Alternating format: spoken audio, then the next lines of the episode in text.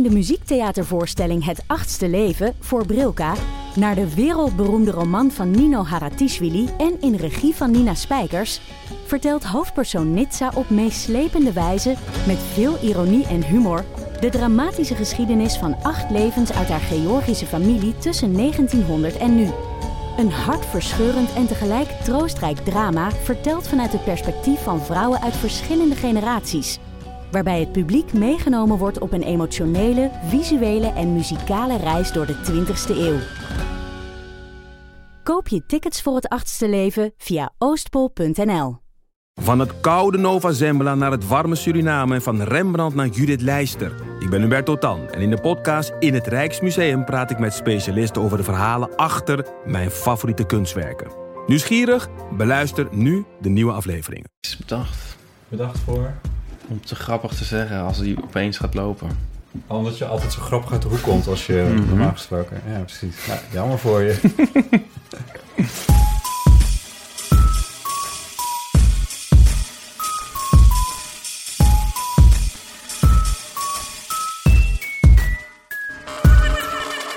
Welkom bij de Eeuw van de Amateur. Dit is aflevering nummer 7, 38, 8, ik weet het even niet meer.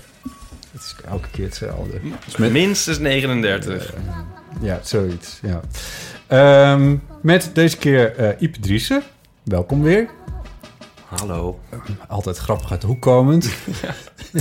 en eh, Ik drink weer. Misschien dat het als ik dit op heb... En dan moet het even een soort zakken en dan... dan, komt dan Komt er wel een wordt het grap. vanzelf een beetje leuker. Ik geloof dat ik één dat grap, wel. minstens één grap... Oh, dan Dan haal ik het ik het wel, ja, ja. Dan zeg je het maar even en dan monteer ik het. Ja. En Diederik Broekhuis is hier. Yay. Superleuk. Ik zet de microfoon niet dichter bij je. Want dat wordt. Dankjewel. Ehm, Hij moet in ook een, op een verhogingje eigenlijk. De want, microfoon. want je bent een lange man. Sorry. Is dat de eerste grap? Ja, ik denk het. dat zou goed kunnen. Eh, je hebt een paar keer op de ehm, eh, podcast eh, gereageerd, maar dat is niet hoe we elkaar kennen. Nee. Want eh, ik heb even nagedacht, volgens mij is dat begonnen bij Expresso. Jij hebt iets met eh, voetballers eh, ooit geschreven voor mij. Geschreven, ja. Dat was het eerste waardoor ik je kende. ja. Iets met, Want jij bent hoofdredacteur geweest naar eh, Marijn Henfling, volgens mij. Expresso is eh eh, homo jongerenblad van het COC. Toen Eh, nog niet. Toen nog een echt blad. Toen nog niet officieel bij COC. Nee. Dat was werd onafhankelijk. in mijn tijd ingelijfd. Ah, oké. Kijk. Ja. En Ipe, jij Toen ging ik weg. Ook dingen voor echt? nou ja, goed. Ja. De meeste mensen zetten er ook maar een paar jaar uit. Een beetje studenten dingetjes het eh, wel. Ja.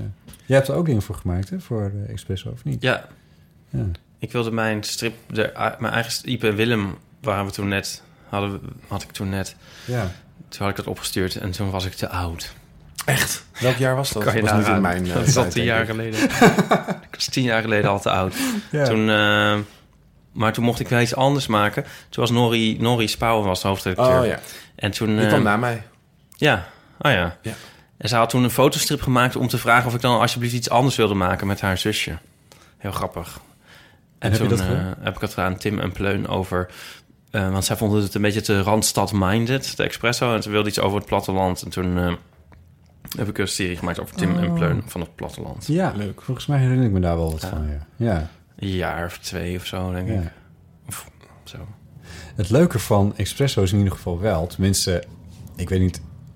Het is mijn indruk een beetje... dat veel van de mensen die daar gezeten hebben... eh, over het algemeen toch wel redelijk terechtkomen. En zeker die hoofdredacteuren. Eh, ja, ik ken er eigenlijk volgens mij helemaal niet zoveel. Even nu uit mijn hoofd. Noor, Oh ja, Casper. Eh, Marijn. Marijn. Joris. Joris. Deed ik het samen gedeeltelijk mee. Ja. Eh, wie dan nog meer? Nou, dit is ook een beetje het rijtje wat Oh, ik ja. ken. Maar, Ja. die, maar eh, Ook leuke mensen. leuke mensen. Marijn die eh, eh, heeft bij Parool gezeten. eh, waar die jouw opdrachtgever weer een beetje was. Ipe, zo ben jij in Parool PS terechtgekomen. Nou, wat discreet. nee, grapje. Nou, ja. Nee, maar dit, ik zeg dit niet om... Ik zeg dit om aan te geven dat... dat hij daar wel wat te zeggen had. En dat het... eh, Eh, ja, ja, maar ik ken Marijn pas van na. Expre ik, ik kende hem niet van Expresso overigens. Ik ken Marijn alleen van Expresso. Maar het grappige is dat ik nu nog best wel veel met hem samenwerk.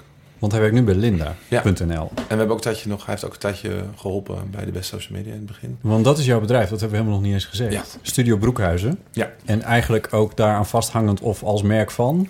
Hoe Ja. werkt het? Ja, nou, het is vooral de beste social media momenteel. En Ja. de beste social awards. Ja. En eh, we hebben ook een bedrijf wat social media eh, campagnes, advies, strategieën bedenkt. En dat is Studio Broekhuizen. En dat is niet niks, want je hebt gewoon mensen in dienst en zo. Ja, oh, En er staat zelfs een knopje vacatures volgens mij als je naar jullie website gaat. Dus het gaat heel goed. Je kunt Ja. altijd een beetje aan aflezen hoe zullen het in met bedrijven gaat. september met twaalf man zijn. Dus je bent ook baas. Ja, ondernemer Ja, tegenwoordig. te gek ja. zeg. Ja, is heel leuk. Met Maar ik zie helemaal geen grijze haren. Nee. Eh, ja, nou, ik heb er één keer Oh, eentje... nou, ik heb er één. Ik heb er één. Hij zit. Nee, ik vind het ook echt heel leuk. Dus eh, ik word er ook niet heel eh, grijs van. Ik vind het echt superleuk. Maar het is een beetje on- ontstaan eh, allemaal... eh, ja, niet heel bewust, zeg maar. Nu, dus nu ik dan roep, oh, ik ben ondernemer... of ook op twaalf mensen in dienst. Dat voelt nog wel een beetje surrealistisch. Maar ik ben nu ook voor het eerst wel in die periode... dat ik er echt van geniet. En dat ik het ook vind dat ik het ben. En dat ik er blij mee ben. Zeg maar, dat ik ook denk, oh ja, dit is wel echt wat ik moet doen. Ja. Terwijl voorheen dacht ik, oh mijn god... Wat gebeurt er allemaal? En overkwam het me meer. En nu heb ik iets meer het gevoel dat het ook een bewust proces is. Die sociale, social media awards, dat is eigenlijk het meest... Social. oh, ja. Zeg ik het niet goed? Ja, iedereen zegt het fout, maar dat is mijn eigen fout. Want het was eerst de beste social media award, zeg maar de awards van de beste social media. Ja.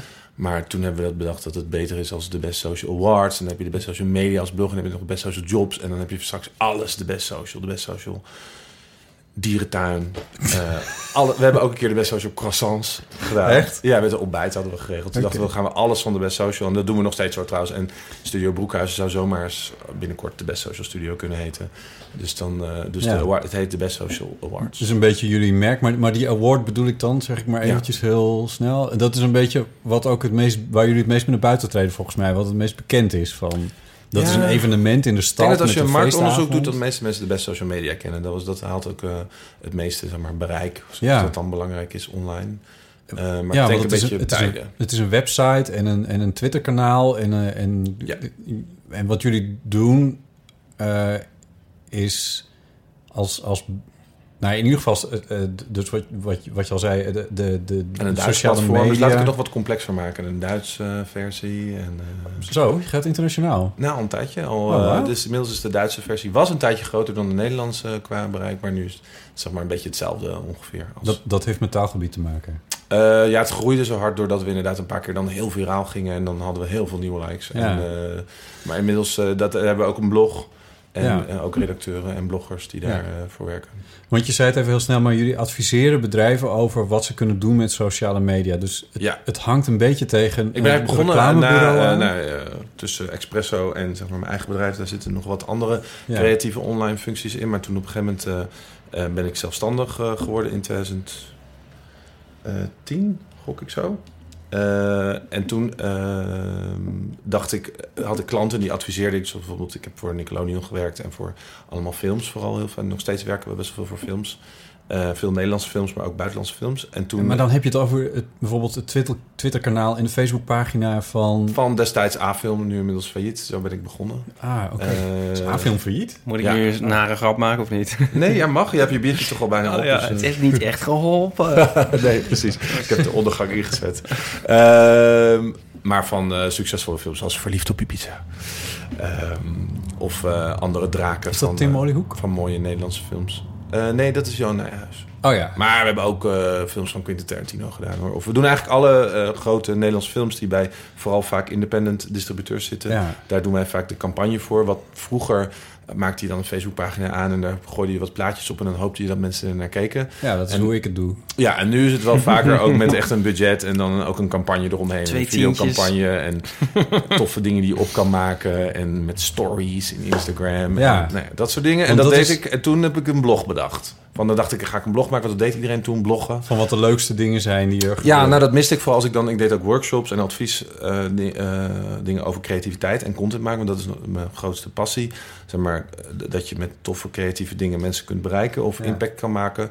En dan zeiden mensen altijd, ja, heb je er niet een leuk voorbeeld van? Dan zei ik, ja, je kan wel naar merk X gaan of Ja. pagina Z. Maar het was eigenlijk niet echt wat ik bedoelde. Dus dacht ik, ik ga zelf dan een Tumblrtje maken en dan plak ik daar voorbeeldjes in van wat ik leuk vind of inspirerend. En dan kan ik het aan mijn klanten laten zien. Ja. En zo is het eigenlijk ontstaan. Wat ik me een beetje herinner als een van de eerste dingen, dat was, eh, dat is een paar jaar geleden, ik denk het inmiddels wel- wel vier, vijf jaar geleden zijn, maar eh, dat er bij KLM een, eh, een soort sociale media eh, groep kwam of zo. In ieder geval mensen die die Twitter-kanaal bemanden... en die, die Facebook bemanden. en die dan grapjes gingen maken. En dat waren we helemaal niet gewend van bedrijven als KLM en NS... en eh, noem het allemaal maar op. Ja. En dat, Een van onze eerste successen, of als dat ik een bericht had dat ik dacht, zo, dat eh, vinden meer mensen leuk dan die drie eh, mensen die op mijn Tumblr keken.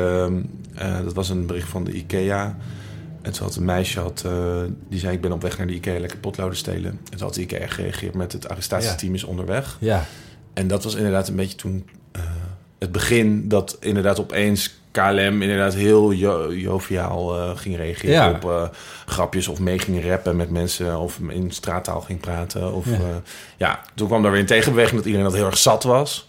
ja. En nu zitten we in een soort moment dat, dat we het niet helemaal weten. Of Ik had er een van de gemeente. Utrecht. Een grapje? Ja, Nou ja, het was, is bijna niet eens een grap, maar het is dan een soort de tone of voice die het dan Ja. gaat. Het is grappig om iets informeels van zo'n Ja. formele instantie opeens te horen. ja. al raken we daar nu wel een beetje aan gewend. Ja, maar ik had het nog nooit, dus ik vond het heel leuk. Oh ja, was het Weet- recentelijk? Ja. Ja, Wat was het dan? Het was gisteren. Ja, je kan nu... Gisteren? Ja, je hebt... ehm, in Utrecht is het natuurlijk, wordt al... Ja, sinds 1300 of zo wordt het stationsgebied verbouwd. En dat Ja. project heet nu CU of zo, CU Oh ja, you in 2000. 2030. Dan denk ik altijd, ik al dood. Ja, Dat lijkt ik me ook. altijd- Dat is zo'n Ja. deprimerende campagne altijd. 2030. En wanneer gaan ze een ingang bouwen bij dat station? Maar dat al? waar is het nou? Oh, hier. Ehm, wat, je, wat, wat er nu een ti- tijdje was, is dat het fietspad, zeg maar, van Smakkelaarsveld... ah, ah, ik, ik neem aan dat je dat kent. naar Moreelse Park. Heet het echt smakkelaars Ja, van smakkende mensen? Aan welke kant weet is dat? niet. Ja, zo heet dat. Nou, het doet er niet toe. Maar dat gaat nu een stukje... Dat fietspad, dat gaat nu door Hoog Katerijnen even heen. Dat is heel geinig. Dan ga je opeens het gebouw in als een soort parkeergarage. En dan rij je best wel een eindje door het gebouw. En dan ga je er weer uit. En er staan dan mensen soort zo te wijzen. Dat is best wel leu- leuk. Want je fietst nooit door opeens zeg maar, van een fietspad door. Nou ja, als je dat leuk vindt. En eh, zo. En toen zei Ja, ik denk alleen maar, ja, dit is zei. CU... Oh, toen zei CU 2030. Ja, hoeveel? eh, CU 2030? Ik weet echt niet wat ik moet Maar dat station Oh ja, is ik- nu nee, toch al ik- af? oh ja, maar weet je wat het trouwens is? CU, Oh. Het is trouwens CU 2030. Het is niet 2030. Maar dat is echt niet verwacht.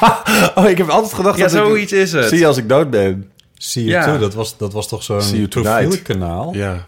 Ja. See you too and see you tonight. Ja, nee. dat zal niet meer See you Nee, too want was ik niet dacht voor dat hoor. ook. Nee? Oh, dat was zo algemeen. Dat was algemeen, maar See you tonight was volgens mij om te seksen. Of, eh, Ja. En daar zitten heel veel gays. Oh ja, Eh natuurlijk. Eh, maar See you too was volgens mij tien jaar niet geleden. gay. Anyway, nou ja, goed. Maar Ja. dat gaat natuurlijk over Centraal Station Utrecht. Dat bedoelen ze waarschijnlijk. Ja, Ja. CU. ja. Denk het. Ze zei het van, eh, zijn, ik zei dat, eh, ik had gezegd, eh, we hadden het erover. En toen zei ik dat het leuker was dan de Efteling. En toen zei ze, eh, je kan er tot en met 21 augustus gratis en beter dan de Efteling doorheen fietsen. Oh. Zo vaak je wil. Zonder rijden en altijd droog. Ja, dit was grappig. Nou ja, ja nou, zonder rijden en het is gratis en zo. Ik vind het wel mee. Ik snap wel wat je bedoelt. Echt maar tien jaar geleden het was het gewoon grappig. bedankt voor je reactie. Ja. Of gewoon niks. Ja, Of gewoon niks. sterf. Vond het best leuk. Ja. Ik had vandaag een discussie met, eh, via Twitter met eh, ABN AMRO.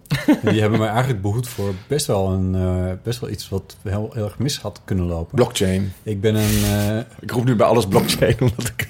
nee, dat, nee, dat was het niet. Oh, Nee, dit ging Kijk, ik over... weet niet wat dat is. ik ook niet Ik echt. zal ik het googlen. Google het maar. Ja. Ehm, eh, hier ligt mijn, eh, mijn oude MacBookje. En Oh, die ja. wil ik verkopen, dus die staat op Marktplaats. Ehm, en daar reageerde iemand op. Eigenlijk net iets te snel. Dat je denkt... eh. en hij begon ook niet over de prijs te zeuren. Dus je denkt, eh, ik weet het niet. Maar ja, goed. Als, als, hij er, als hij er zin in heeft en wil hem vanmiddag komen halen. Nou, prima. Oh, dat is Enige is- bitcoin. Ja, Ah, ja, oké. het enige is, eh, hoe betaal je zo'n bedrag? Want het is, ik bedoel, ik verkoop hem niet voor niks. Ja. En die dingen zijn gewoon duur. En, en ehm, hoe zat het nou? Hij zei, bij welke bank zit je? Ik zei, bij Rabobank. Hij zei, ik zit bij ABN AMRO. Dat betekent dat je pas morgen weet of het geld Ja. daadwerkelijk is overgemaakt. Ehm, en toen zei ik, nou, dat ga ik even uitzoeken hoe we dit gaan doen. Want dus, en toen heb ik ABN AMRO aangeschreven van... joh, is er een manier om te zien dat het... Ik bedoel, ik weet dat ik bij Rabobank niet kan zien dat het geld gearriveerd is. Maar kunnen jullie bij ABN AMRO zien dat het daadwerkelijk is overgeschreven? Ja. Nee, dat, nee, dat kan niet. Dat bestaat nog niet. Daar zijn we mee bezig. Maar en en toen dacht ik, ja, dit is wel een beetje tricky. Had je Dus een heb- screenshot kunnen sturen? Toen heb ik een paar... Nou, zij zeiden, doe dit niet. Letterlijk op eh, Twitter tegen mij. Doe dit niet. Ha- Geef de- dat MacBookje niet weg voordat jij dat gaat het geld hebt. Ja. Ik zeg maar, hoe dan? Want als je een spoedbetaling doet, dan moet je alsnog anderhalf uur wachten. Dus dan zit je hier met z'n tweeën. Zo, dat is mij te awkward en ik heb er geen tijd voor. En dus dat werkt ook niet. En toen dacht ik nog, misschien dat iets kan werken. Ik, toen zeiden zij van, doe het met cash. Ga, loop dan gewoon naar een automaat. Eh, hij pint dat bedrag. Het is een enorm bedrag dan, maar goed, het kan. Ja. Dus telefonisch kun je je limiet verhogen en zo. Eh, verkopen maar dat- dat ding wel maar niet? dat wilde hij het niet. oude Ja, stuk dat is schroot. Dus dat moet je er niet voor hebben. Het is geen oud stuk schroot. Het ding is Oh, amper een jaar oud. Ja, maar dat gaat je er allemaal niks aan. Zoek je hem op een marktplaats. Maar, ehm, eh, maar dat wilde hij niet. Want, zo schreef hij, eh, de, de, de potentiële koper... eh, slechte ervaringen met cash. En toen werd ik wel een beetje achterdochtig. dochtig. En toen zei ik van, nou ja...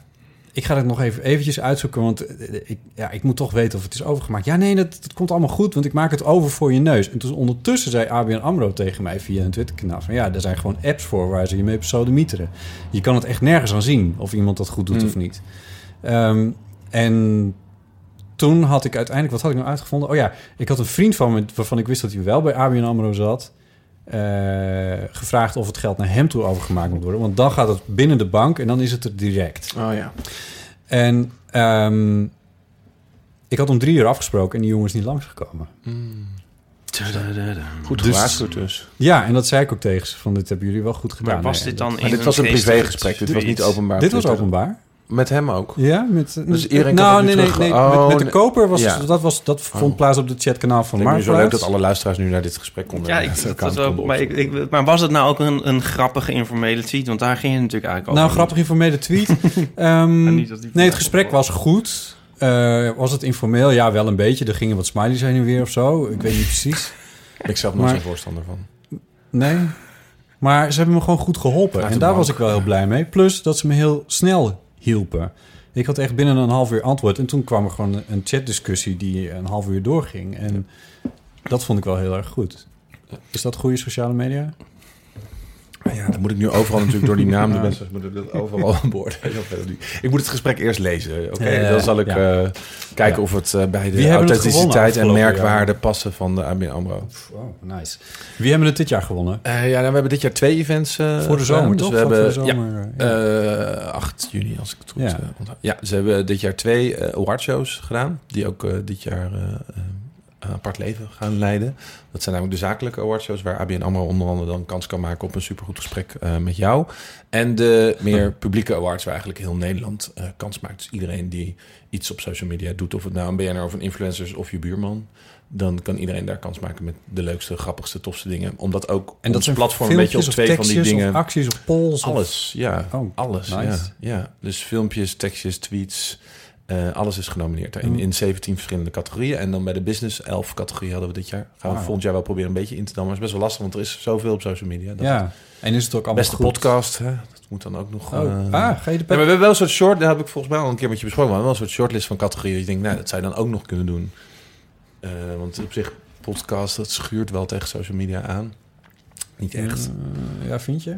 Nee, we hebben ook video. Het leeft wel op social media. Dus nee, ja, Ja, dat is waar, ja. Ja, het is, daarom, het is een beetje een, eh, een randcategorie. Maar wie hebben er gewonnen? Eh, nou, bij eh, de zakelijke categorie was uit mijn hoofd Heineken de grote winnaar dit jaar. Dan denk je, ja, Heineken, logisch. Maar dat was voor het eerst in vier jaar dat hij heel veel prijzen wonnen. Oké, wat had ze gedaan? Ja, ze hadden een hele goede advertentiecampagne. Ik zit even te denken wat ze nou gedaan hadden. Ze hadden die inhaker met Dorian van Rijs. Hoe heet hij? Ja, Ik zit heel slecht Olympische in bekende sporter. Ja, nou ja. Dat Heb jij dit niet allemaal geresearched? Nee, dit heb ik Nee. niet geresearched. Dat is ook niet erg. Nee. Ehm, eh, Netflix heeft wat prijzen gewonnen. En, maar ook een hele leuke campagne van eh Sense. Eh, een Snapchat-campagne. Een SOA-voorlichtingscampagne Oh, op Snapchat heeft gewonnen. Eh, maar ja, dat zijn niet echt de sexy categorieën, is meer branche nu. En dat proberen we nu ook meer daar de diepgang in te gaan. En daar meer ja, echt te belonen. De Ja. vakmensen, zeg maar, in het vakgebied. En dat is, gaat dus ook niet meer om online stemmen. Of om ja, hoe leuk je of hoe lollig je uit de hoek komt. Maar meer gewoon hoe goed je bent. Ja, de beste mensen. Dat is natuurlijk een beetje de... Daar hing het een beetje op dat je dus de hele tijd kreeg dat bedrijf allemaal lol ging lopen doen om Ja. onze een soort van bevestiging te krijgen. Ja. En bij de awards hebben we dat in ieder geval gescheiden van... Nou, we hebben dus inderdaad wel een soort lol-event... en daar gaat het ook eh, absoluut om de onderbroeken lol en grappige Ja. grapjes. Ja. Maar laten we niet doen alsof dat de social media branche is. Want dat begonnen mensen wel op een gegeven moment... ja, hallo Diederik, eh, we doen toch meer dan dat, zeg Ja. maar... dan een, een tweet van de gemeente Utrecht eh, over... eh, ja, die soms gaat het ook echt ergens over. Nee, maar tuurlijk, ja. Er zijn er duizenden mensen de hele dag aan het werk... die dat als bloedserieus vak... dus die niet alleen maar bezig zijn met grappige tweetjes plaatsen... of, eh, on- ja, zoals dat wordt genoemd, onderbroekenlol... of bedrijven, wat heel veel mensen heel irritant vinden... als bedrijven op elkaar gaan inhaken... en dan vooral Oh, over ja. de rug van andere mensen heen. Ja. En dan doen ze ook alles alsof wij dat heel leuk vinden... maar wij laten het zien. We zouden eigenlijk ook... Ik had vorige week nog met iemand over dat misschien de beste social media wel niet de allerbeste naam is. Dat je als je het heel letterlijk zou nemen, zijn wij meer de opvallende social media. Wij laten meer gewoon alles zien wat er in Nederland gebeurt. Ja. Slechte dingen, goede dingen, beste dingen. Ja. Eh, maar dus ook die vervelende onderbroekenlol of die hele vervelende inhaken van dat ene bedrijf. Want je wil het wel zien als je ook kijkt naar de kliks en... En je wilt ook een soort heet. Je wil het wel haten. zien. Ja, je wil ook zien wat er in de branche gebeurt. Dus mensen klikken erop, maar dan zeggen ze dat wij dat aanmoedigen of zo. Dus daar hebben we wel een beetje naar gekeken van hoe kunnen wij meer laten zien dat we dat niet per se goed vinden. Hey, Nou ja. En word jij niet ook zelf al soms heel erg social media moe? Ik ben hartstikke social media moe. ja, ja, wij willen ook wel een kritische... Wij zullen ook... We, we noemen onszelf het zoeklicht in de digitale Mhm. chaos. Eh, nee, we zijn hartstikke. Iedereen... Ja, vooral als je daar de hele dag in werkt... word Ja, je daar daarom. best wel van. Dus ja. ik ben denk ik ook... Ik ben best wel een... eh, een, een, bijvoorbeeld een smartphone-natie en zo. En ik ben best wel echt strikt met wanneer dat wel of niet gepast is. En ik, Wat bedoel je met smartphone-natie? Nou, dat ik echt gisteren nog tegen mijn vriendje zei van... Zet in godsnaam nu die telefoon even weg. We zijn aan het eten. En we kijken al tv. Op de telefoon. En ik ben gewoon, überhaupt hoop ik dat wij met ons platform niet alleen maar eh, heel veel mensen kunnen bereiken met leuke, inspirerende, grappige, slechte dingen op social media, of we dat nou met onze website doen of met awards, maar dat we ook wel eh, het zoekli- zoeklicht kunnen zijn en dat we een beetje kunnen helpen met het nog een beetje. Ja, Ja. eh, dat het een ja, hoe, hoe zeg ik nou een beetje? Dat, het, ja, dat we ermee om kunnen blijven gaan. Want Ja, je, van privacy. als je jullie goed volgt, dan kan je heel veel andere dingen weglaten. Want eh, dan ook. ja. Ja. Maar hoe, hoe gaat het dan ook op de werkvloer bij jullie? Want in een normaal bedrijf zit natuurlijk iedereen eh, stiekem de hele tijd op Facebook en Twitter. Ja, dat is bij ons niet stiekem. Nee, nee maar Ja, dat zou heel dat raar zijn. ja. Ja, maar dat vind ik bij andere bedrijven doen? ook trouwens wel een beetje raar als je daar stiekem op Facebook moet. Ik bedoel, come on. Ja. Dat, Ja. ja. werk en privé zijn wel eh, meer eh, door elkaar heen gaan lopen, denk ik. Dus ik Ja. heb daar zelf niet zo moeite mee. Als überhaupt mensen privé dingen tijdens hun werk doen, vind ik niet zo erg. Ik Nee. denk ook dat het werk wat wij doen niet lukt om dat acht uur lang geconcentreerd achter elkaar timelines te scrollen, artikelen te schrijven. Wie kan dat? Weet je, ik heb, Ja. we hebben dan een redactie in die, in die. Ja, ik vind het niet meer dan normaal dat dat. En privé mengt daar gelukkig bij ons ook wel in. Dus Ja. een, een filmpje van jullie kan voor ons net zo goed inspireren. Dat ik denk, oh, dat moeten we even, daar moeten we iets mee doen. Dus dat is bij ons, die scheidlijn is volkomen weg. Ja. Betekent niet dat dat dag en nacht moet doorlopen. Dus dat er van iedereen verwacht wordt dat ze non-stop daarmee bezig Nee. zijn. Dat kan gewoon niet. Maar hoe, en hoe zie je dat voor je in de nabije toekomst? Denk je dat mensen... eh, wat, wat denk je dat er gaat gebeuren met social media, zeg maar? Dat mensen daar... Ja, dat is wel een hele brede vraag. Bedoel je op de werkvloer of nou, hoe je nee, dat in meer je hoe leven... mensen daarmee omgaan, ja. Van, ehm, want... ehm, Nou ja, eh, ik denk dat we daar wel leren beter mee om te gaan. Dat hoop ik een beetje. ja, maar is dat dan, zie je dat dan ook in minder of in, in, in meer gerichter? Of, Ja, eh, gerichter denk ik meer waardevoller. Hopelijk. Ja. Doen jullie eigenlijk daar onderzoek ook naar? Nee, wij zelf eigenlijk niet. Maar dat, dat, dat zou ik wel bijvoorbeeld dus heel belangrijk vinden. Dat wij die, Ja. Ik heb die ambitie wel om ook... eh, we hebben ook getest de afgelopen tijd met longreads. En meer zeg maar het platform te zijn wat... de ja, wat alles over social media. Dus ik, Ja. ik, dat is nu meer een kwestie van mankracht Ja, en budget. En ook daar verdienmodellen omheen bedenken. Van Ja. hoe kunnen we daar dan eh, iets mee terugverdienen. Maar wij zijn daar heel erg mee bezig. We willen onder andere ook een podcast starten om überhaupt al over dat soort onderwerpen gewoon te kunnen praten. En dat is dus ook niet alleen maar, we gaan weer tweetjes voorlezen, jongens. Maar meer gewoon, ja, wat doet het met ons? Zeg maar, met, Ja. met privacy, met, eh, met je werk-privé, stress. eh, eh, wat plaats je wel niet? Hoe ga je met kinderen om op social media? Ik vind dat allemaal thema's, waar kan ik nog wel uren over doorpraten. Ja, En ik vind het ook heel belangrijk dat we daar allemaal over praten. Want is- baby's op social media. ja, Oh, ja.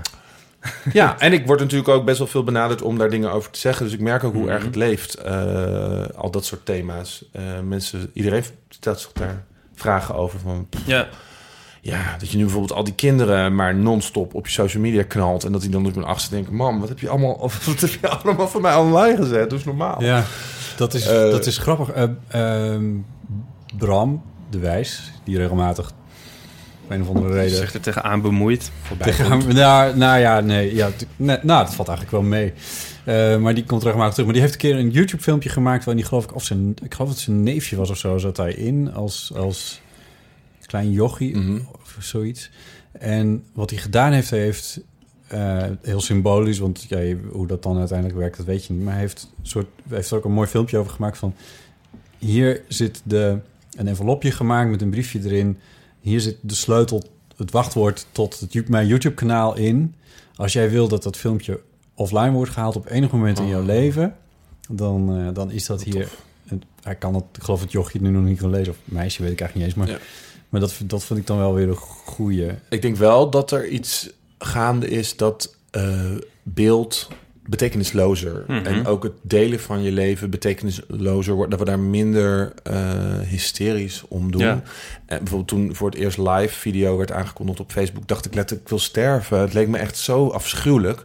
En nu dat gewoon een beetje geïntegreerd is, denk je, ja, god, ach, ja, het valt Dat wel ook nog weer voor. het valt wel mee, weet je, mensen op een festival die een beetje om zich heen zo. En dan sta je daar op en dan denk je, Ja. ja, I don't care dat ik ergens op een... eh, ja, Nee, wie vindt dat? ja, maar ook is dat erg dat iemand dat vindt of dat ik daarop sta? Nee. Ik ben er, je wordt er ook wel, hoe meer er is, hoe meer het betekenislozer Ja. of zo wordt. Ja. Dat heb ik zelf, vind ik altijd heel interessant. Dat bombardement van tekens waar we nu in zitten, daar, daar wordt alles uiteindelijk dan ook betekenisloos in, wat best wel eng is. Maar goed, het is daardoor ook, ja, ik kan je er heel lang druk over maken. Maar als je ook ziet wat allemaal schandalen in de media zijn met dingen die uitlekken of zo, hoe lang dat eigenlijk nog echt ertoe doet, ja. Ja. Ik van drie jij had- maanden geleden. Ja. Ja, jij had, Ik zeg altijd al dat we het showbiz nieuws moeten doen daarbij, Ja. maar goed. Nee, maar jij had Ja. er, dat, dat was toch ook in onze podcast, had jij er een, was jij dat niet, die er een theorie over had van ja, naaktfoto's. Eh, Oh. daar, doen we, daar doen we nu nog heel ingewikkeld over, maar dat duurt nog, nog precies anderhalve generatie. En dan maakt dat, was jij dat niet? Ja, daar heel staat me moeilijk. wel iets van bij, maar ik Oh, vergeet God. altijd wat Ja. ik zeg hier. Oh, daarom. Ik denk dat, inderdaad dat jij er iets over gezegd hebt. Want dat vond ik heel interessant. Nee, daar heb ik echt over gedaan. Dat ik dacht, ja, dat is ook zo. Al, ik zei dat waarschijnlijk zoiets van... als op een gegeven moment van iedereen die dingen gewoon overal in omloop zijn... Ja. dan is het Dan ook wel er weer goed. Nu Ja. worden we natuurlijk wel preutser, schijnt het. Zegt iedereen dat maar de hele tijd dat we preutser met z'n allen worden. Dus misschien is dat niet helemaal waar. Maar ik denk wel dat veel dingen inderdaad... Ja, je kind op social media zitten vinden. Vind ik nu... Ik heb vrienden die hun kinderen gewoon helemaal niet op social media zetten. Gewoon, gewoon besloten hebben. Ik ga dat nooit Weet doen. wat ik heel maar ik grappig vind En dat respecteer ik heel erg. Vind ik ook heel Ja.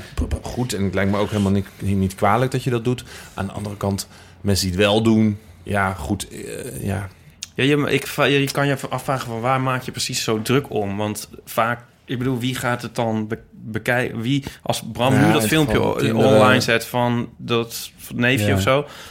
En Wie vindt dat dan nog weer terug? Wie vindt dat dan terug over Ja. 15 jaar of zo, als die zich er misschien druk over gaat maken Ja. tijdelijk? Maar Wie dan zou je eigenlijk die dan- persoon moeten leren dat het allemaal niet zo erg is en dat je daar niet druk over Nee, maar dat, moet dat maken. gaat die Ja, dan Maar dat kun wel niet bepalen voor iemand Nee. anders. Dat maakt het een beetje... Dat is één ding. Nee, maar, je ja, maar met kinderen is het sowieso zo dat je... Dat, dat vind ik dus het gekke aan die fotografie. Je bepaalt sowieso alles voor je kind. Dus of je een filmpje online zet... Dat, Ja, dat, dat is wel zo. Maar uit. Ja, maar happens- vroeger... je doet ze ook niet in een eh, geblindeerde auto naar, naar de crash of zo. Er was een foto van Arie Boomsma met eh, zijn kind en die had een emoji op de tepel van zijn kind geplakt. Want het kind zat er naakt, Echt? zeg maar. Ja, dus Oh my god. Ja, precies. Het was ook precies. Dit was de reactie van de Oh. media, dus het was Oh, een schandaal. dat klopt dan weer. Eh, drie maanden geleden. eh, in de krant van drie maanden geleden. Maar door dat te doen hebben, daar, wij daar heb ik over nagedacht. Van, ehm, eh, ja, is dat erg? Ten eerste dat je een, een kind naakt of met een emoji. Ik dacht, bedacht me toen, mijn moeder, zeg maar, als ik vroeger op de foto moest, dan zei ze altijd, dan haalde ze een lik eh, speeksel door mijn haar, deed ze mijn haar opzij, zet Diederik tegen gos mij even kleren Daarom is aan. het niet grijs. Dus En- dat altijd... altijd Ja, dat dat speeksel van mijn moeder. maar ik ben ook heel jong.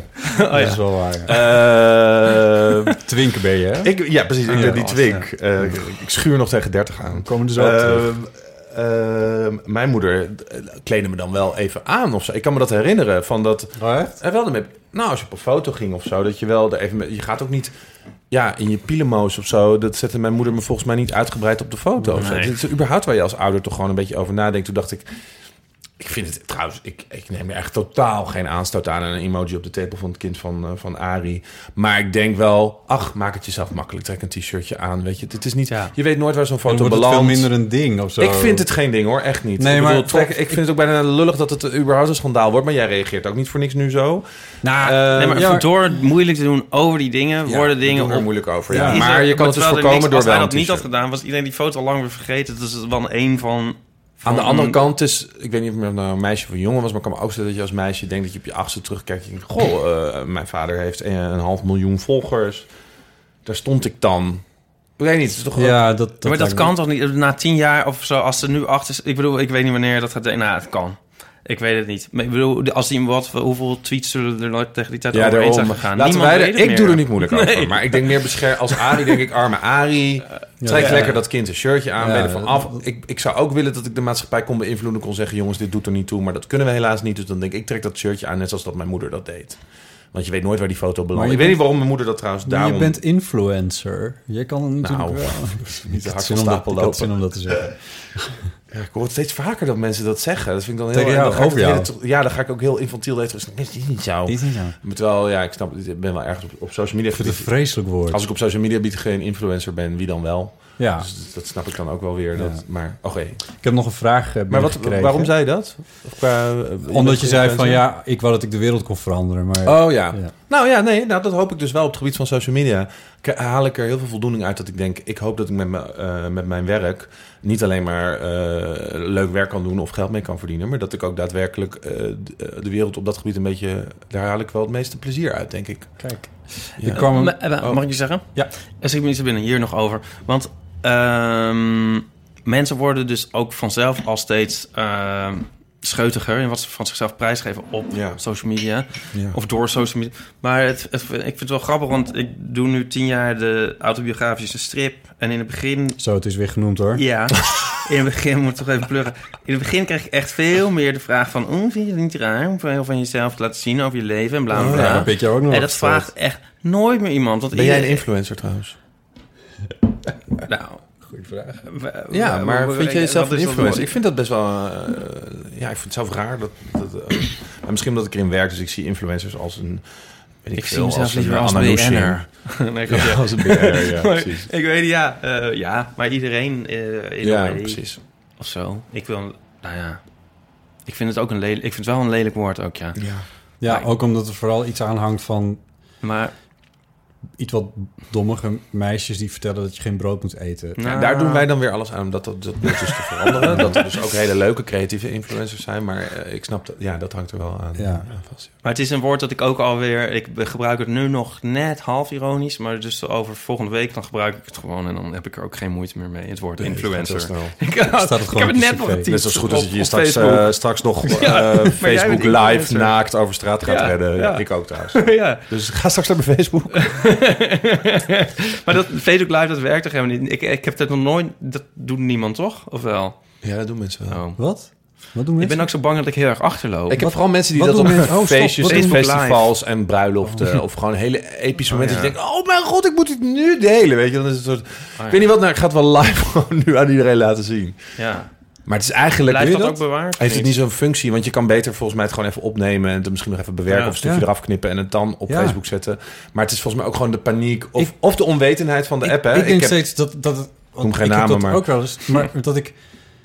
Dat het mijn Maar de namen beroeps, komen in de show notes. beroepsinformatie is... omdat ik zo gewend ben om dingen op te nemen... en dat dan nog even ja, daarna precies. te bewerken... omdat het niet hetzelfde Ja. één op één kan zijn. Maar dat filter gaat weg, is- omdat het dus betekenislozer wordt. Ja, precies. Ja. Nou ja, goed, maar dat is... Ik, ik, ik kan bijvoorbeeld met iets als Snapchat kan ik niet overweg. Ik geef meteen toe dat ik er ook te oud voor ben. Klaar, hebben we dat gehad. Maar los daarvan, Mm. het, het- de app dwingt je ertoe om, ehm, om op dat moment de foto te maken of het filmpje te Ja. maken. En je kan er dan Ja, inmiddels kun je het ook uit eigenlijk je camera rol doen, maar dat ziet er dan met een wit. Het ziet eruit van, Oké. hey, dit was helemaal niet live. En dan vinden mensen het minder leuk. Ja, oké. nou ja, fair enough. Maar ik denk altijd van, ja, als je even het begin eraf knipt en die camera zwaait heel raar weg. Aan het eind knip je dat er even af. Ja. En dan eh, weet ik veel. Maar ja, dat is wel denk ik Dus- omdat wij alle drie media maken of dan Nee, dat bezig bedoel ik, zijn. ja. precies. Oké. Ja, ik denk dat andere mensen daar minder druk op maken. En ik moet zelf zeggen dat ik met de introductie van Snapchat en Instagram wel de hoop heb dat het allemaal wat minder gekunsteld wordt. Zoals bijvoorbeeld Instagram is met heel lang nadenken over welke foto je uploadt en eh, filters die je kiest. En daarna je druk maken hoeveel likes je erover krijgt. Denk je toch sneller bij stories of zo van, hup, ik laat het gewoon zien. Waardoor het een iets meer Ah, minder... ja. Ja, volgens mij is, het- eh, zijn de stories en de Snapchat dingen iets realistischer. Als ik eh, bijvoorbeeld, Ja. eh, als voorbeeld, als ik naar bijvoorbeeld een festival, voordat Instagram stories er was, als ik dan op Snapchat keek naar hoe mensen bijvoorbeeld naar een milkshake festival of naar een gay pride gingen, dacht ik, oh ja, dat is wel een soort representatie van hoe ik dat ook ervaren heb. Gewoon "Bleh, gezellig, vrienden. hey." En dan rent nog iemand in beeld en een biertje. Ja. En op Instagram denk je, oh ja, iedereen eh, was geposeerd en iedereen had mooie lijven en mooie filters en de zon scheen altijd. Oh, ja. En dat ik wel een soort van hoop heb nu met live en met stories en met dat die dat dat verdwijnt een beetje. Maar dat maakt ze ook heel oninteressant.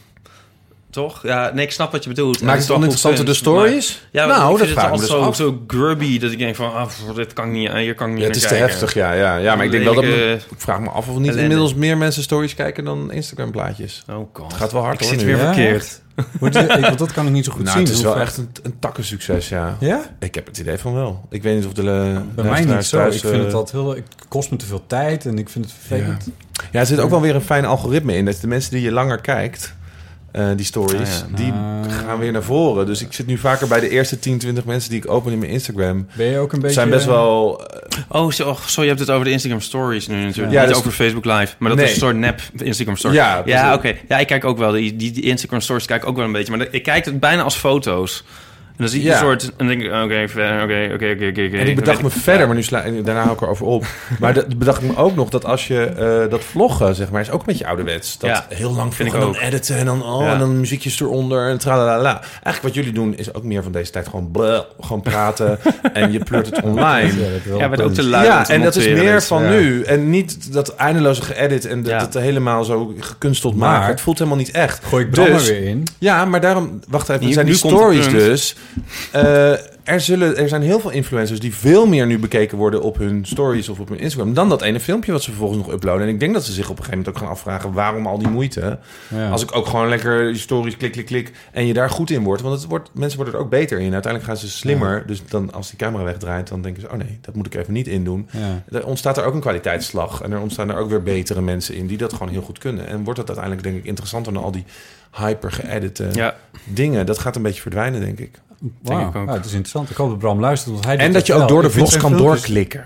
Dat lijkt me ook fijn. Dat je net zoals bij een story gewoon zo... hop, 10 seconden door, weet je wel. Dan komt dit. Oh ja. Ik mis dat nu al Ja. op YouTube. Dat ik denk, waarom kan ik in mijn app Ja. niet... zoals een story... Ja, even lekker er doorheen, jongens. Ja. Want Volgende onderwerp. Oh, dat lijkt me heerlijk. Ook dat, je, dat Bram dus bijvoorbeeld eh, gewoon hoofdstukjes even in zijn vlog... en dat ik er even doorheen kan skippen. Dat ik denk, nou, dit deel hoef ik niet te zien. Maar waar hebben de mensen de tijd... Waar halen ze de tijd vandaan om alles te kijken en te... Dat, Ja, dat snap ik dus gewoon kijken. niet.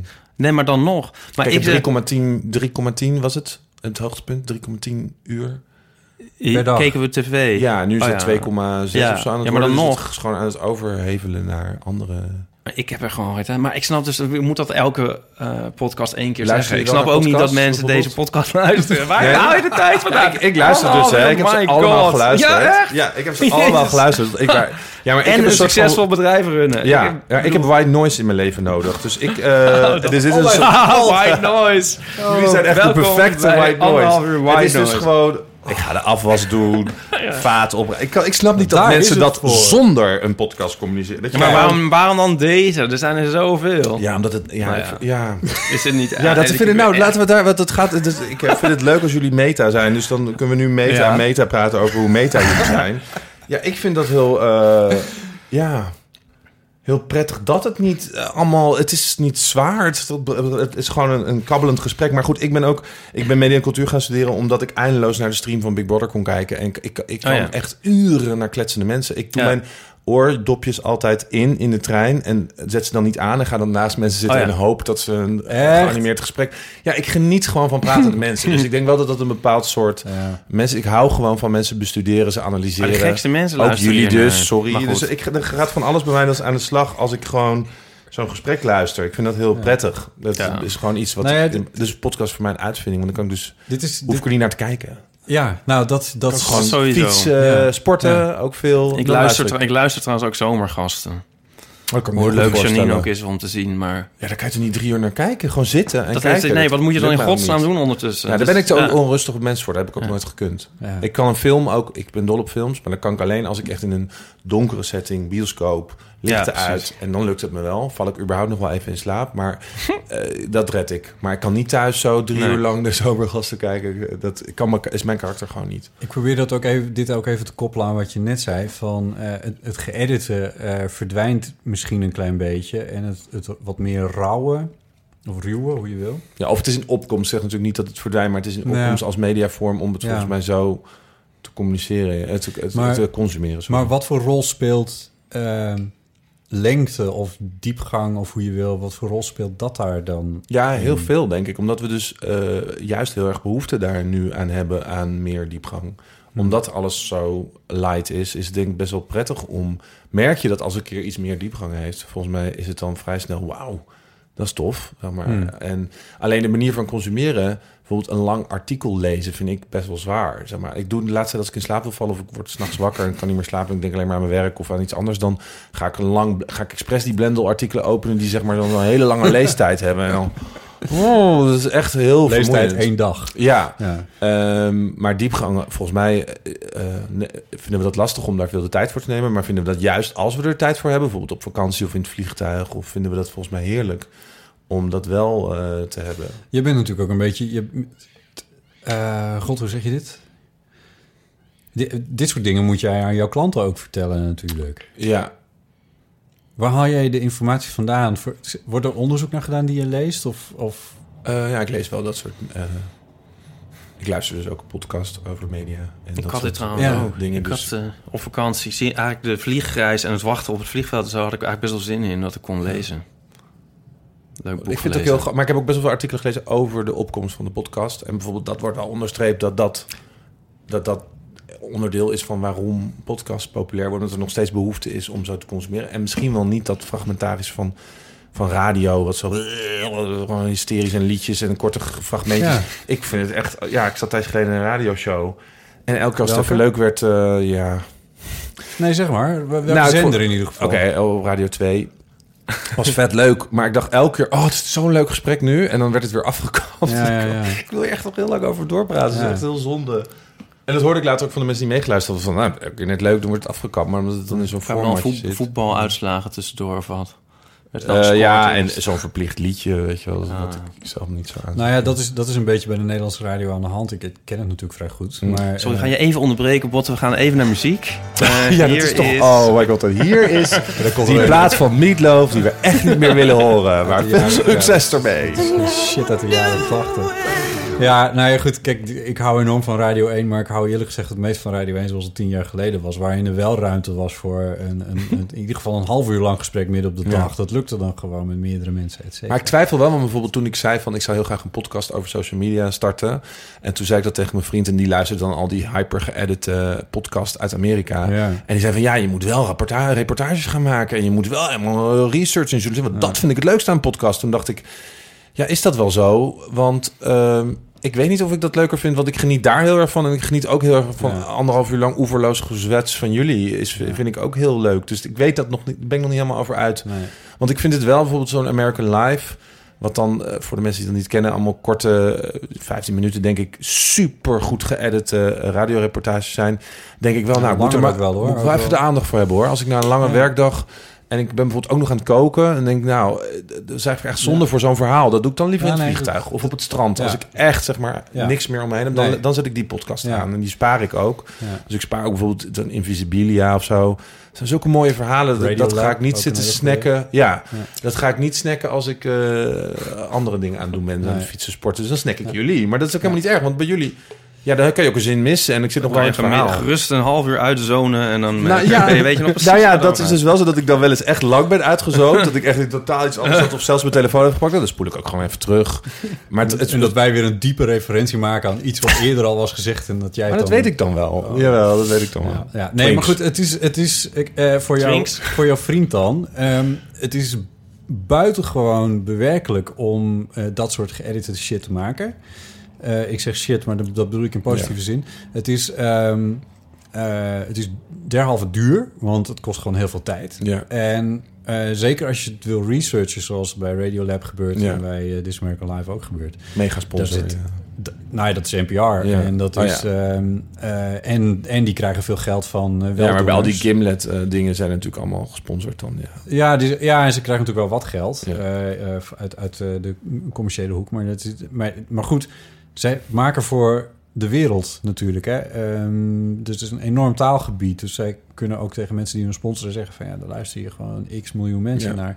En ehm, dan kan je een redactie in de lucht houden. En dat heeft Ira Glass en dat heeft eh Radiolab. Maar toch is het grappig dat dan eh, zo'n eh, podcast over media of ik luister naar Sef en uh, nou, Sef heeft een interviewreeks nu is hij gestart met uh, een van de drie van de jeugdvertegenwoordig Pepijn. Oh ja, is dat niet bij de VPRO? Ja. ja.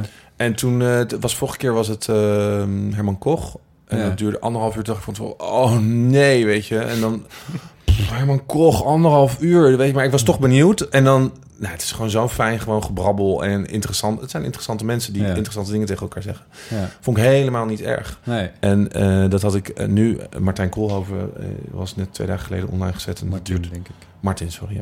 Duurt uh, 2,5 uur. Toen dacht ik, nou, ga ik er niet naar luisteren. Toch weer begonnen. Natuurlijk En- niks bij wat wij Daar doen. moeten wij ook naartoe. Ja, 2,5 2,5 uur, gewoon doen. Ja, we gaan vandaag we gaan nog een uurtje langer door, mensen. Ja, maar ik, ik, ik, ja, ja, ik luister dus best wel veel. Inmiddels klets podcast. En ik vind dat helemaal niet meer erg. Maar je denkt wel voordat je... Oh nee. Als je begint. Dan is de afwas wel klaar, zeg Oh, maar. ja, precies. Dat hak je gewoon op. Ja. Maar we zijn nu ook al drie kwartier bezig, hè? Ik Ja. bedoel, het, is- het, het gaat zo snel. Iedereen is afgehaakt. Ja, misschien wel. Ik ja. al op hierover. Ja, maar ik vind dat... Ik moet dus wel zeggen dat ik inmiddels die hele heftig geëdite dingen... Dus, oh ja, nee, wat ik wou zeggen, die is dus heel populair. Die staat op nummer 1, die Sef. Oh, echt? Ja, Oké. die, gedaan. dat Sef Pepijn interview. En Ja. ook eh, podcast over media luisteren veel mensen naar zonder dat het heel heftig geëdit is. Mhm. Volgens mij vinden mensen dat eigenlijk wel hartstikke leuk. Dat gevoel krijg ik wel, ja. en ik vind die hele geheftig geëdite dingen die bijvoorbeeld VPRO heeft gemaakt best wel leuk, maar het kost me energie of zo Ja. om zo'n zo'n ja, het is echt Ja. een luisterwerk of zo wat er gemaakt wordt. Ja. eh. Ja, dat snap ik wel. denk dan wel eens nee, dat doe ik nu niet. En Nee. dan zet ik eerder die dingen aan die in mijn leven passen op dat moment. Ja. Gewoon even tijdens het fietsen. Ja. Gewoon, ik luister wel, maar het zijn moet ondertussen mijn concentratie ook nog een beetje aan andere dingen houden Ja. of zo. Dat is-. Nee, het- is, het is inspannender. Zeker als het dan ook nog in het Engels is. Dat heb, moet je toch ook even extra verwerking slag overheen doen. Ja. En, eh, Dat ook, ja. Ja. Ik zet toch minder snel Engelse dingen nu aan. Als ik, Ja. Omdat er meer Nederlandse dingen zijn die ik wil luisteren. ja. Ipe kijkt... Ja, Luister je enorm. verder ook geen podcast, Iep? Ja ik, lu- ik, heb, eh, ik luister sinds een tijdje Radiolab. Ehm vond ik heel interessant over die, die eh, ik zeg maar, foto's, photoshoppen met geluid. Oh. Oh ja, ja. Dat is dat, ding van. Adobe bedoel je? Ja. Ehm, wat luister ik nog meer? Wat, wat ze dan doen is synthetiseren van eh, stemgeluid. Dus dan zeg maar, alles wat jij nu net hebt gezegd, dat laat je in een computer. En daarna kan ik gewoon tekst invoeren in die computer. En dan kan Klinkt ik met jou alsof jij het Oh, zegt. wat heftig. ja, dat Ja. is heel heftig. Want dat, Had ja. het ook, oh ja, ik vond dat Ja. Facebook bericht ook zo heftig over die artificial intelligence die te slim was geworden. Die een taal ont- ont- ontwikkeld die ze niet meer snapte. Dat heb ik niet gezien. Show notes. Oh. Ja, het is echt een heel eng bericht. Hadden ze het maar, hebben ze ze maar uitgezet. Oh. ze hadden, hebben ze het maar uitgezet. ja, ze hebben zelf een taal ontwikkeld. Eh, dus de robots, eh, artificial intelligence robots van Facebook hadden een taal ontwikkeld die inmiddels waarmee ze zelf konden communiceren met elkaar, maar die wij niet meer snapten. En toen hebben ze de robots maar vernietigd of Hmm. uitgezet. Of dachten ze, nou, doe je dit is dus waarvoor gewaarschuwd wordt, dus laten we hier maar mee ophouden. Oh, wauw. Ja, Oh, die heb ik gemist. Dat is ja wel een beetje in die Eh, lijnen van vreselijke technologische ontwikkelingen waar je... En eh, ja, ik luister wel een paar. De Schokkend Nieuws podcast luister ik. Oh ja. Waar je dan ben ook je weer voor fan werkt. van eh, dat soort films? En, Ja.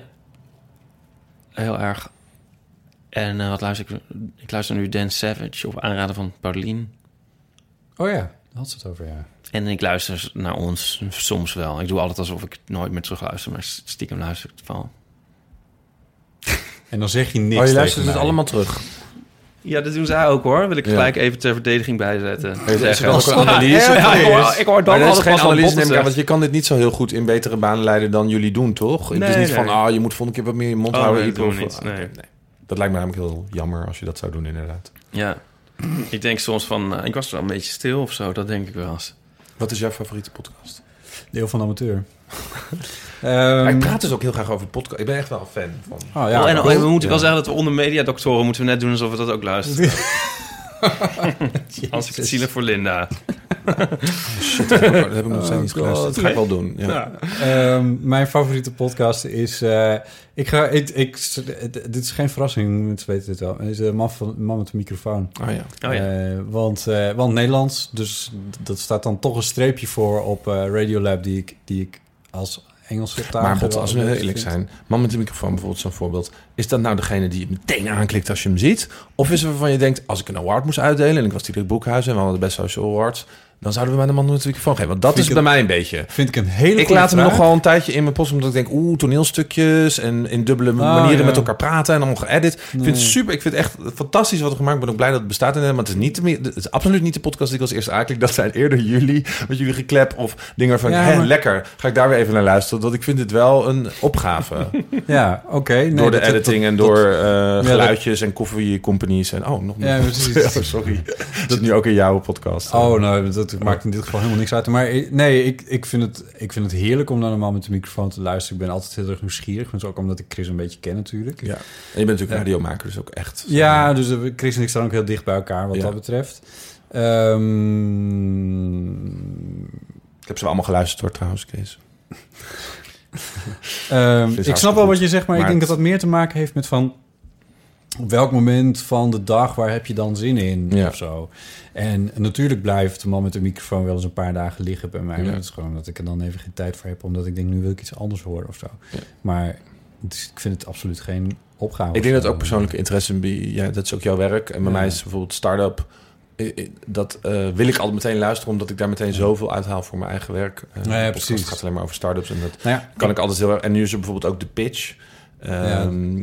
En dat, eh, dat, maar dat is dan, vind ik echt niet zo'n bijzondere podcast of zo. Maar ik, Nee. ik merk dat ik dat als eerste aanklik, omdat het dan meteen zo heel erg kan er meteen heel erg aan relateren. Terwijl Ja. andere dingen die me vind, ik vind bijvoorbeeld horrorfilms ook wel leuk, maar niet zo leuk als dat ik op dit moment het start-up leven vind. Of dat ik, daar ben ik echt in geïnteresseerd. Daar wil Ja, ik alles over horen, dus dat klik ik dan in. Ik luister ook, ik zoek wel eens een onderwerp van eh, bijvoorbeeld cryptozoologie.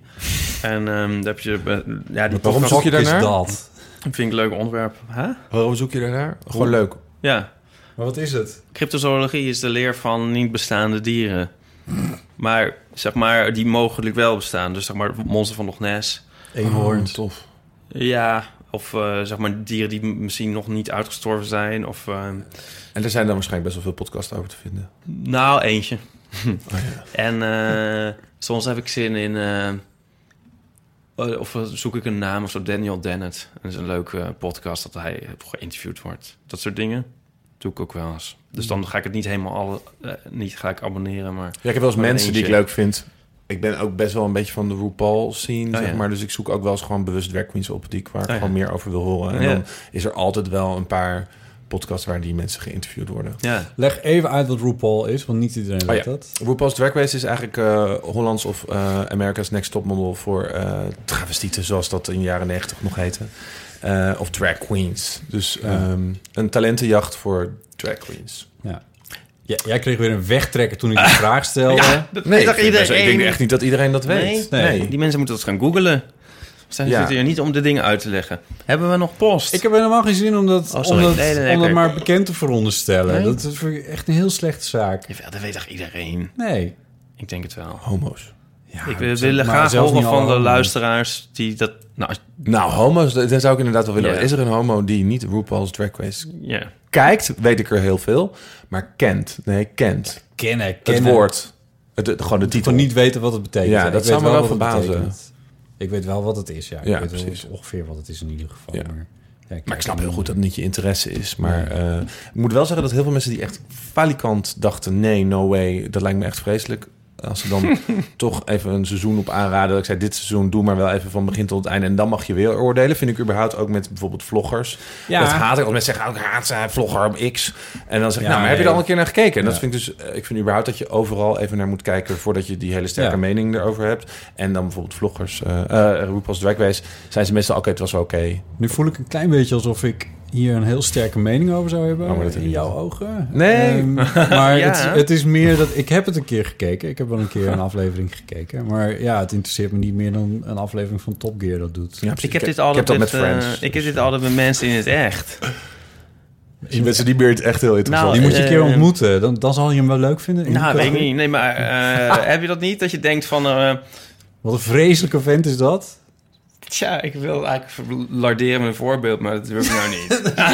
Wordt het meteen heel persoonlijk? Oh, die valt echt wel mee in het echt en dan valt het niet mee. Nee, juist andersom. Dat je denkt van... eh, oh, brr, eh, daar, daar hoef ik niks Ja. aan te hebben. En dan zie je diegene in het echt. Dan denk je van... Oh, dat is een hartstikke leuk iemand. Vind Thierry trouwens een hele fijne eigenschap als mensen dat ook zelf van zichzelf durven toe te geven. Dat je dat hebt. Ja, ik, ik, ik ben ook vrij heftig over mensen. En eh, ik zou de laatste zijn om later niet te zeggen... Ik heb ook wel eens tegen mensen gezegd... Sorry, maar ik dacht echt dat je echt walgelijk was. En het, ja, het valt wel mee. Maar ik vind het zelf ook heel prettig als mensen bij mij denken... Oh, dat valt eigenlijk best wel mee. Ik kan me ook best wel voorstellen Ja. dat mensen denken... Nou, nou, die, eh die, die, Rick. En dan vind ik het ook prettig dat dat anders kan. En andersom ook hoor. Prima als je achteraf Maar het is ook vaak op niks gebaseerd. Dat vind ik zo stom. Eh, Jaloezie. Jaloezie? Wel veel jaloezie volgens Nee, mij. maar ook maar als ik nu van uit mezelf denk, dan heb je zo mensen, weet ik veel, eh, ehm, noemen ze iemand. Thierry Baudet. Nee, dat vind ik dan weer iemand, Nou, want daar dat is, daar zit heel veel aan. Oh, misschien wel. Iemand van wie je eigenlijk niks weet, maar die je dan soort van...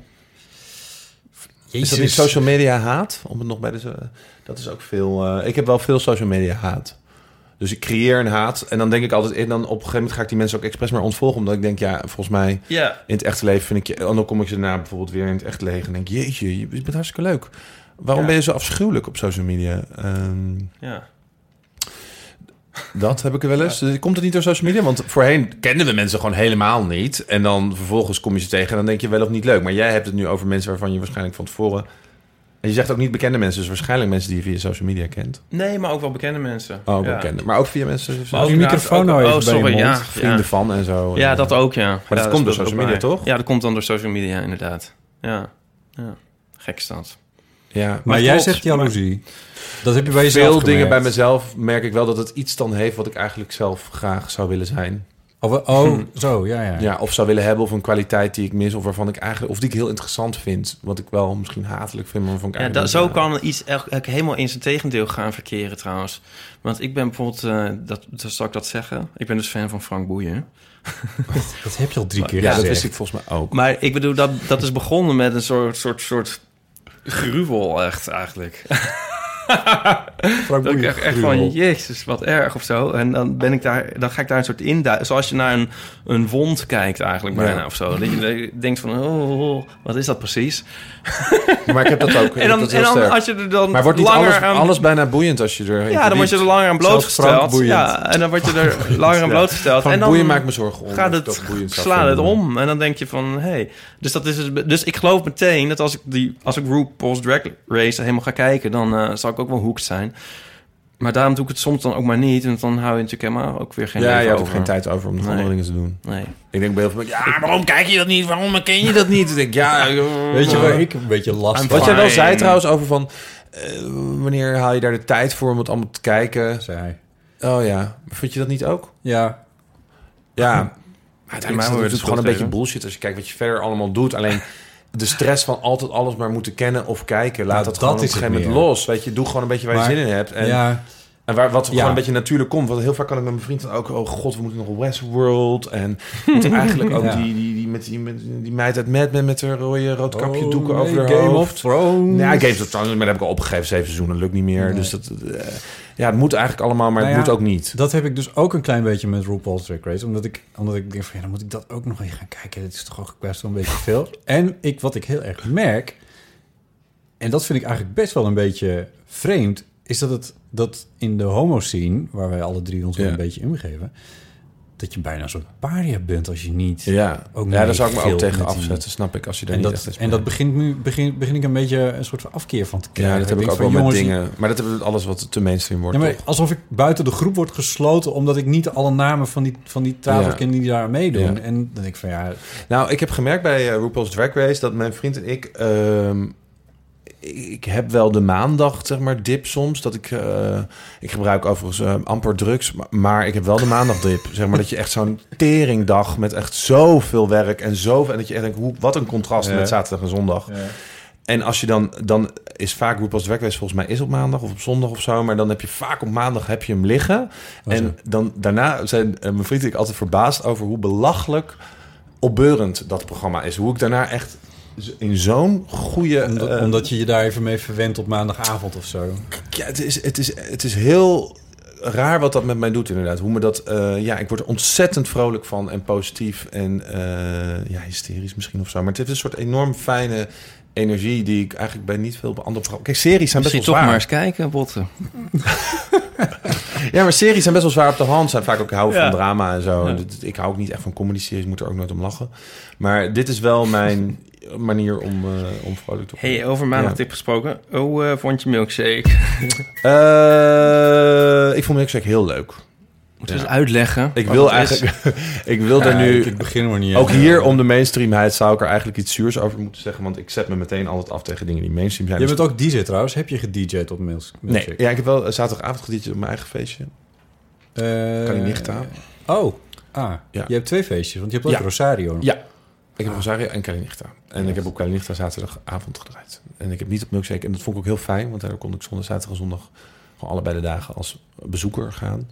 Wat zaterdag wel een beetje lastig was... omdat ik daarna nog mijn eigen feest moest hosten. Ah, Oh, en toen was het dat weer. En toen was het dat weer. Het ja. dit. Het heeft keihard geregend van zaterdagmiddag een uurtje of drie Ja. of zo... tot aan zondagochtend zo'n beetje. Het was niet normaal. En Ja. toen moest ik dus ondertussen moesten mensen naar Noorderlicht komen in Amsterdam Noord naar mijn feest. Dus dat Ja. deden ook sommige mensen niet. Maar het was desalniettemin leuk. Maar ehm, ik vond Milkshake, ja... Nou, ik had vrienden over uit eh, Madrid. En ehm, ik, was, ik merkte hoe trots ik was dat dit bestaat. En dat dit toch wel eh, een soort nieuwe vorm van de homo-scene is... dat ik wel trots ben dat dat er is. Eh, daar word ik al heel vrolijk van. Ja, van het, het idee Milkshake is echt next level homo-scene, vind ik. Dat is echt alles. Dat is zeg maar zo... eh, als je ja, Gaypart heeft dat ook wel, maar dit is echt... Het is ook een soort van de jongen. Het lijkt wel. Ik praat ik een beetje als oude man, maar de jo- jo- echt jongeren, zeg maar. Die queerness van zeg maar al die genders door elkaar. En iedereen is een soort van halve drag en ponytails en make-up. En sommigen zijn maar super mannelijk, super vrouwelijk. Dat herken ik niet van toen ik jong was, zeg maar. Ik heb wel het idee dat het een soort hele toffe blend aan alles kan. En eh, mensen heten reizigers bij de NS. Maar als je op Milkshake staat, snap je wel waarom dat nu is. Want het is echt... Met alles er ook dwars, hetero's, oude mensen. eh, Ja. Alles is, het is zo extreem. En daar ben ik zo trots op dat dat bestaat. Mm. En ik denk dat het heel knap is. Toen Milkshake bedacht werd, dacht ik... Er is er helemaal niet genoeg markt voor, voor dat soort... Erwin Olaf bijna- moeten we even noemen trouwens. Dat is de bedenker van eh, Milkshake. Is dat dat zo? fotograaf? Jazeker. Is hij de bedenker? Ja? Ik weet niet of hij de bedenker is. Hij was er wel... Hij had een stage. De- Jongens, Peter van Vught en Marieke. Ik ben er nog waren. nooit geweest en ik weet dit. Ik heb niet echt het idee dat hij de bedenker nee, is. ik denk het ook niet. Ik ga het even googlen. Gaan jullie even vertellen over wat er maar ik ben met je eens. En de sfeer is goed, hè? Dat vind ik leuk. Ja, Het is echt zo positief. Ja. En ehm, iedereen doet ook maar wat. En het, het, zeg maar, eh, iedereen gaat daar volgens mij ook op zijn eigen manier naartoe. Sommige mensen zijn er volgens mij broodnuchter. Ja. Andere mensen zijn lamdronken. Andere mensen nemen één drankje. Andere mensen nemen één pilletje. Andere mensen zitten lekker aan de GHB te hakken. Volgens mij maakt het allemaal niet uit. En het is echt wat Amsterdam volgens mij is. En het is niet het oude Amsterdam en It en Roxy en bla- Maar dit is het nieuwe Amsterdam. En daar ben ik best wel trots op dat dit Amsterdam is. En dat het nu ook uitge buiten wordt naar Brazilië bijvoorbeeld en daar blijkbaar ook aanslaat, denk ik, wauw, dat is wel echt tof dat we Oh, dat zoiets niet. eh, neerzetten. Ja. Dit is heel raar, want nu zijn, ben jij aan het vertellen en, en, en ik krijg het nu niet mee. Ik moet straks terugluisteren wat jij nu net hebt gezegd, Oh, omdat shit, ik aan het zoeken ben wat Nou, de link is met, tussen Erwin Olaf. En, Nou, Erwin Olaf had een stage, maar volgens mij is dat het. en nee, ja, ik, ik, me, ik her- meen me te herinneren van de eerste editie. Had hij dat dat is toch overal de hele tijd geschreeuwd? vijf jaar geleden of zo. nou, dat Dan hadden we dat toch in elk programma. Jongens, ik ben niet alleen. eh, maak ik me zorgen om de jeugd in Amsterdam dat die niet genoeg opkomen voor de rechten van de homo. Maar ook ben ik tevens bedenker van maar Milkshake Festival. hoe lang bestaat Milkshake inmiddels? Vijf jaar, toch? Vijf jaar, dus 2012 was de eerste dan, of 13? Eh, twaalf. Was dit de zesde dan? Dit was Nee. zes. Ja. Ja. En de Village People traden op. Ja. Heb ik alleen vanuit een ooghoek even Oh, ja. voorbij zien komen. En toen dacht ik, Ik- ik, ik- heb het gezien. Ja, niet nu te- Ik vond het heel leuk. Ik Ja. zat te wachten op Go West en toen kwam Go West niet. Maar Go West toch Pet Shop? Dat is We zijn Ja, van de officieel. Echt? Ja. Dus ik dacht... Ik heb vandaag nog naar Go West geluisterd. Eh, omdat ik, eh, nou ja, ik moest uitzoeken wat mijn eerste cd ooit was voor iets anders. En toen eh, kwam ik erachter dat dat het beste uit de Megatop 100 1993 was. En dat was ook best wel mooi dat ik Go West. Toen heb Nou. ik het ook geluisterd, omdat ik dacht, oh ja. En dat gaan wij nu ook even nummer? doen. Hier zijn de Shop Boys met Go West. En niet love. Paradise bij de Dashboard. Eh, en er is een spookrijder gesignaleerd op de A2. Dus eh, ter hoogte van een knooppunt. Heb je het al gevonden? Oh, nee, Je veel. kent de knooppunten van de A2 niet, hè? Ik Probeer denk dat te waarschuwen. Ik dacht dat Marike Samano, die nu nog steeds de eh, eh, directrice is van Milkshake, dit bedacht heeft met Peter van Vught. Ik kan het, niet, ik kan het zo snel in ieder geval niet precies eh, vinden. Maar ik stel voor dat... Spijt me onze- trouwens als dit niet zo is. al onze luisteraars eh, ons hierop aanvullen voor de volgende keer. Ja. Wat ik in ieder geval vind is dat in 2012... en dat vind ik op de website van Stichting Paradiso Amsterdam... dus het is paradiso.nl. Ja, Dat het begon met als een initiatief van Paradiso en Air. Ja, precies. Air en Paradiso presenteren Milkshake Festival. En de eerste keer dat ik Erwin's naam daarin tegenkom... dat is eh, bij een stukje over eh, Blackpool Party. Ja, visten Ehm, en lekker gewoon... eh, dat- Topfotograaf Erwin Olaf, die tevens verantwoordelijk is voor het beeld van Milkshake. Precies. Organiseert samen met Connie Jans Producties. een Gewoon warm hart is het eigenlijk. Warm hart voor Milkshake is Erwin Olaf. Het is niet te bedenken. Nou, wat, nou, ik kan me wel herinneren toen het de eerste keer aangekondigd werd... en zo, dat, dat die naam wel steeds naar voren kwam... en dat ik het ook zag, omdat het eruit zag als een soort enorme foto van Erwin Olaf. Ja, omdat het promobeeld was inderdaad. Ja. Met die eh, milkshakes die over lichamen heen vielen. Of... Ja, en ik weet niet meer hoe het nou precies in elkaar stak, maar, eh, maar zoiets. Nou, Ja, en ik dacht toen dus... Nou, nou. Hè, een heel festival en Ja. kaartjes en voor zoiets. en wat maar dan goed. niet een cliché gay ding is. Ik dacht, er moet Ja. een soort van house, eh pompie lichamen... of iets van songfestival, camp... maar niet deze soort van mengelmoes aan alles. Ja. Dat vond ik... En vooral omdat het niet pretendeert een soort seksfestival, drugsfestival te zijn... nee.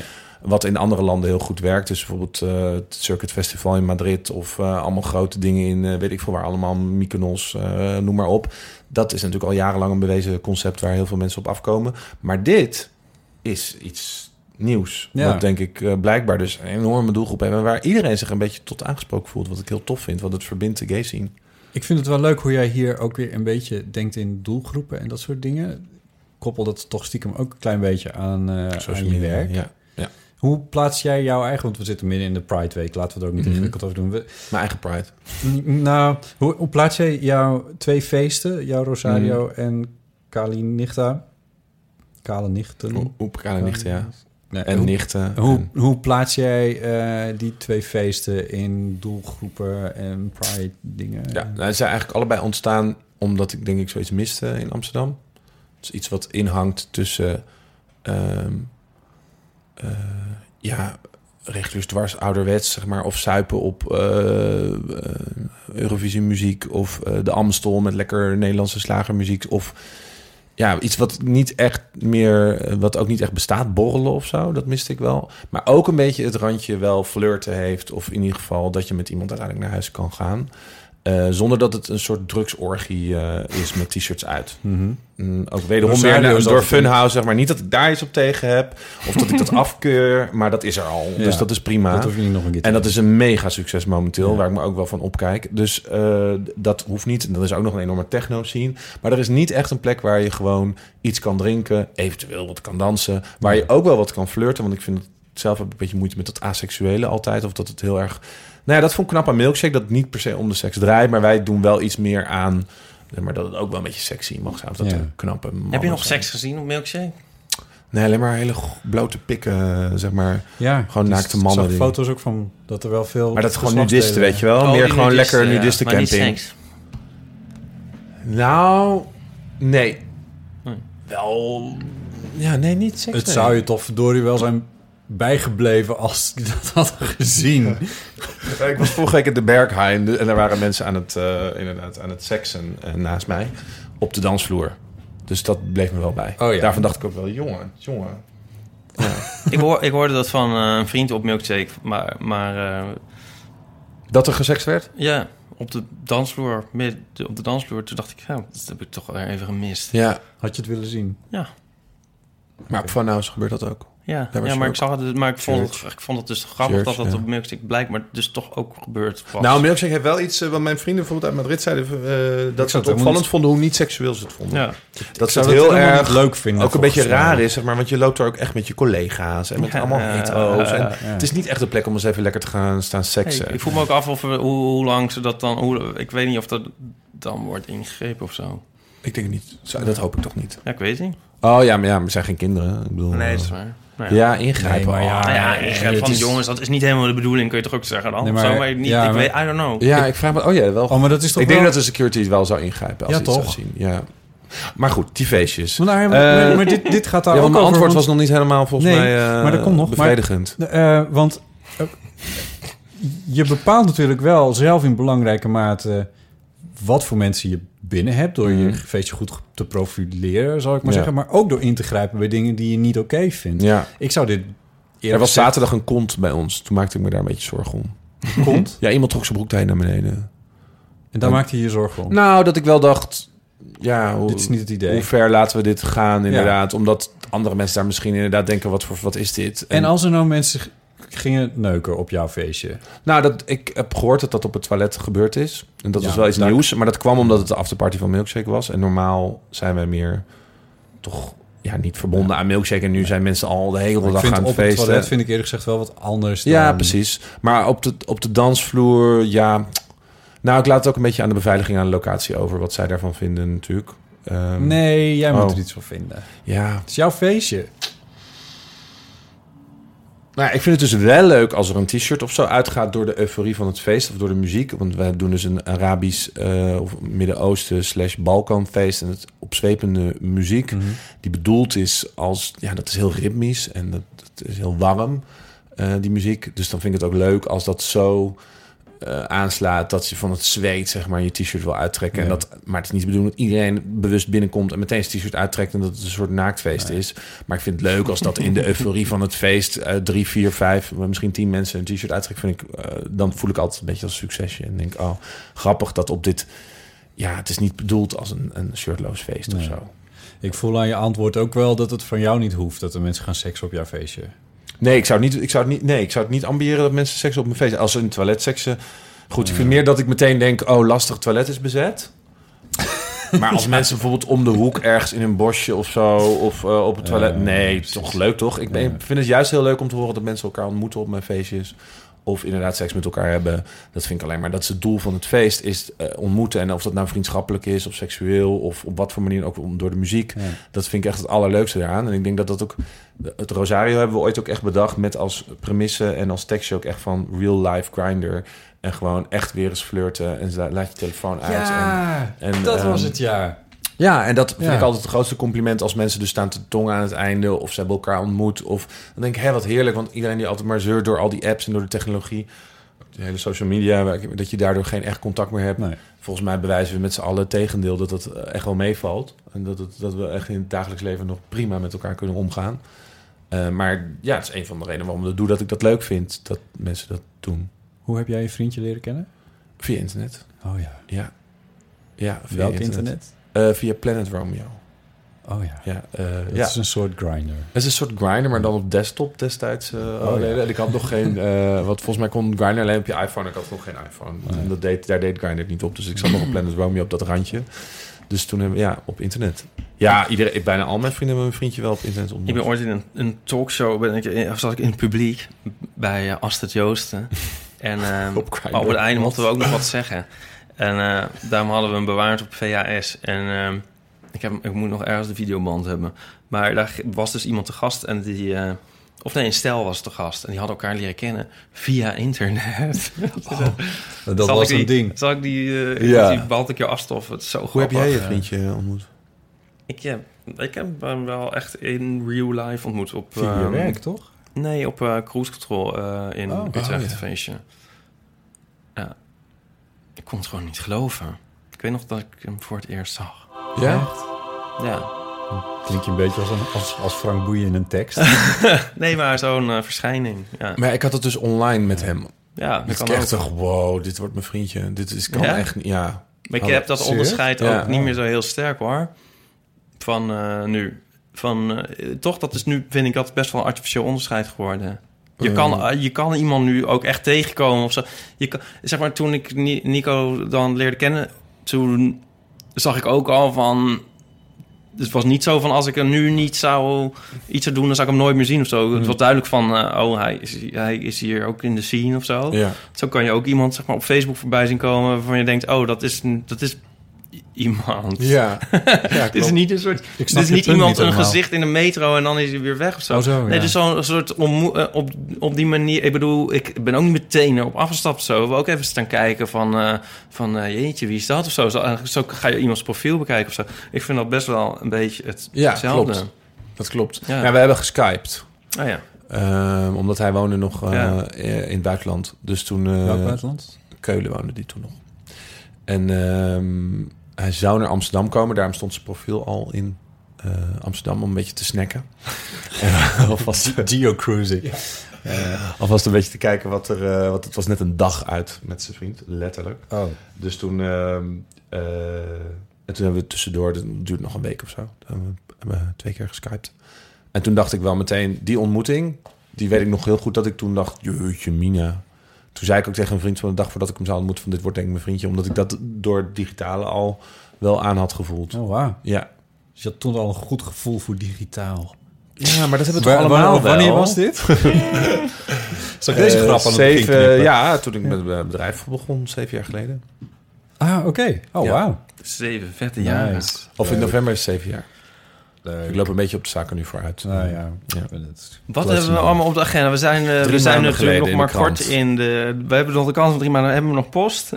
Eh, hebben we, nog- nou, hadden we niet allemaal hete hangijzers waar jij altijd over schrijft... die we dus ook wel Eh, moeten Twinks. bespreken? Twinks. Ja. Funhouse, maar dat hebben we We wel... hebben ja. we wel een beetje gecoverd, Ja. soort Ja. van. Ehm, we zijn het eigenlijk wel eens, hè? Ik, ik heb Ja, de- krant van, van drie maanden geleden En heb jezelf wel. eh, zijn of zo, dat was ook nog een leuk thema. Dat vond ik een hele leuke aflevering van jullie. Maar toen dacht ik, was ik er nu maar. Dus dat was Oh, heb ik een paar keer gehad. Nou, dat gewoon live. wel, goed. en nou ben je in je eh, eigen uitzending. Dat is vaak wat ik bij jullie krijg. Dat is misschien goed qua PR-materiaal. eh. Wat? nou, de podcast waar je bij wil zijn of zo. Dat ik wel soms dacht... Oh. dat ik, Kun je hem nog één keer de inspreken? podcast waar je bij wil zijn. Ah, mooi. Dat ik soms ik, ik zou nu wel even aan willen bellen. Ik weet toevallig waar je woont. ja. Aangezien ik er ook gewoond heb. Ja. Eh, eh, maar dat dat dan niet kan. Of dat ik dacht inderdaad, oh, daar heb ik zin in om mee te praten. Dus dat is inderdaad, dat, vaak heb ik dat. Nice. Ja. Dat had ik Mooi. over. Ja. Ja. Ik ben het daar vaak met Ipe eens van, ach, whatever. Je doet het gewoon. Of dat kan toch gewoon. Of... Ja. Ja. Ja. Oh, nu gaat het weer over jezelf zijn. Ja, dat, dat vond ik heel leuk. Daar had ik het onder andere. Dat Ik was heb- ik thema heb- waar ik een keer op gereageerd Ja, ik heb het hier staan. Oh, oh, Weet- zal, ik even, zal, ik je even, zal ik jezelf even Oh, citeren? sorry, ja. En nou ben je er echt bij. Nu ben je, gaan we je citeren. Ik, eh, ik was het eens met Ipe en denk eh, dat je vooral jezelf moet, eh, voor jezelf moet bepalen waar je zin in hebt, wie je wilt zijn en wat je doet. Je leeft maar één keer en dat doe je toch echt niet voor het beeld dat anderen van je hebben. Ook weer een leuk haakje met jullie funhouse gesprek met Paulien. Want soms vind ik het wel eens jammer dat ik die inzichten niet nog eerder had gehad. Ja, ik ben best wel een belemmering voor mezelf geweest, zeg maar. Ik denk dat veel mensen dat zijn. Mhm. Wat, wat, wat bedoel je er precies mee? Nou, dat je denkt, dit hoort niet of gaat niet of kan niet. Of, Waar kwam dat vandaan? Mm, ja, ik ben heel zelfkritisch, maar het is ook wel opvoeding en een bepaald milieu waar je uitkomt. Of een bepaald, eh, ja, wat denk ik, iedereen heeft een bepaald soort van Ja. grenzen, muren, Calvinisme. Ja. In Nederland waar je in opgroeit. Ik denk dat er voor allerlei factoren zijn.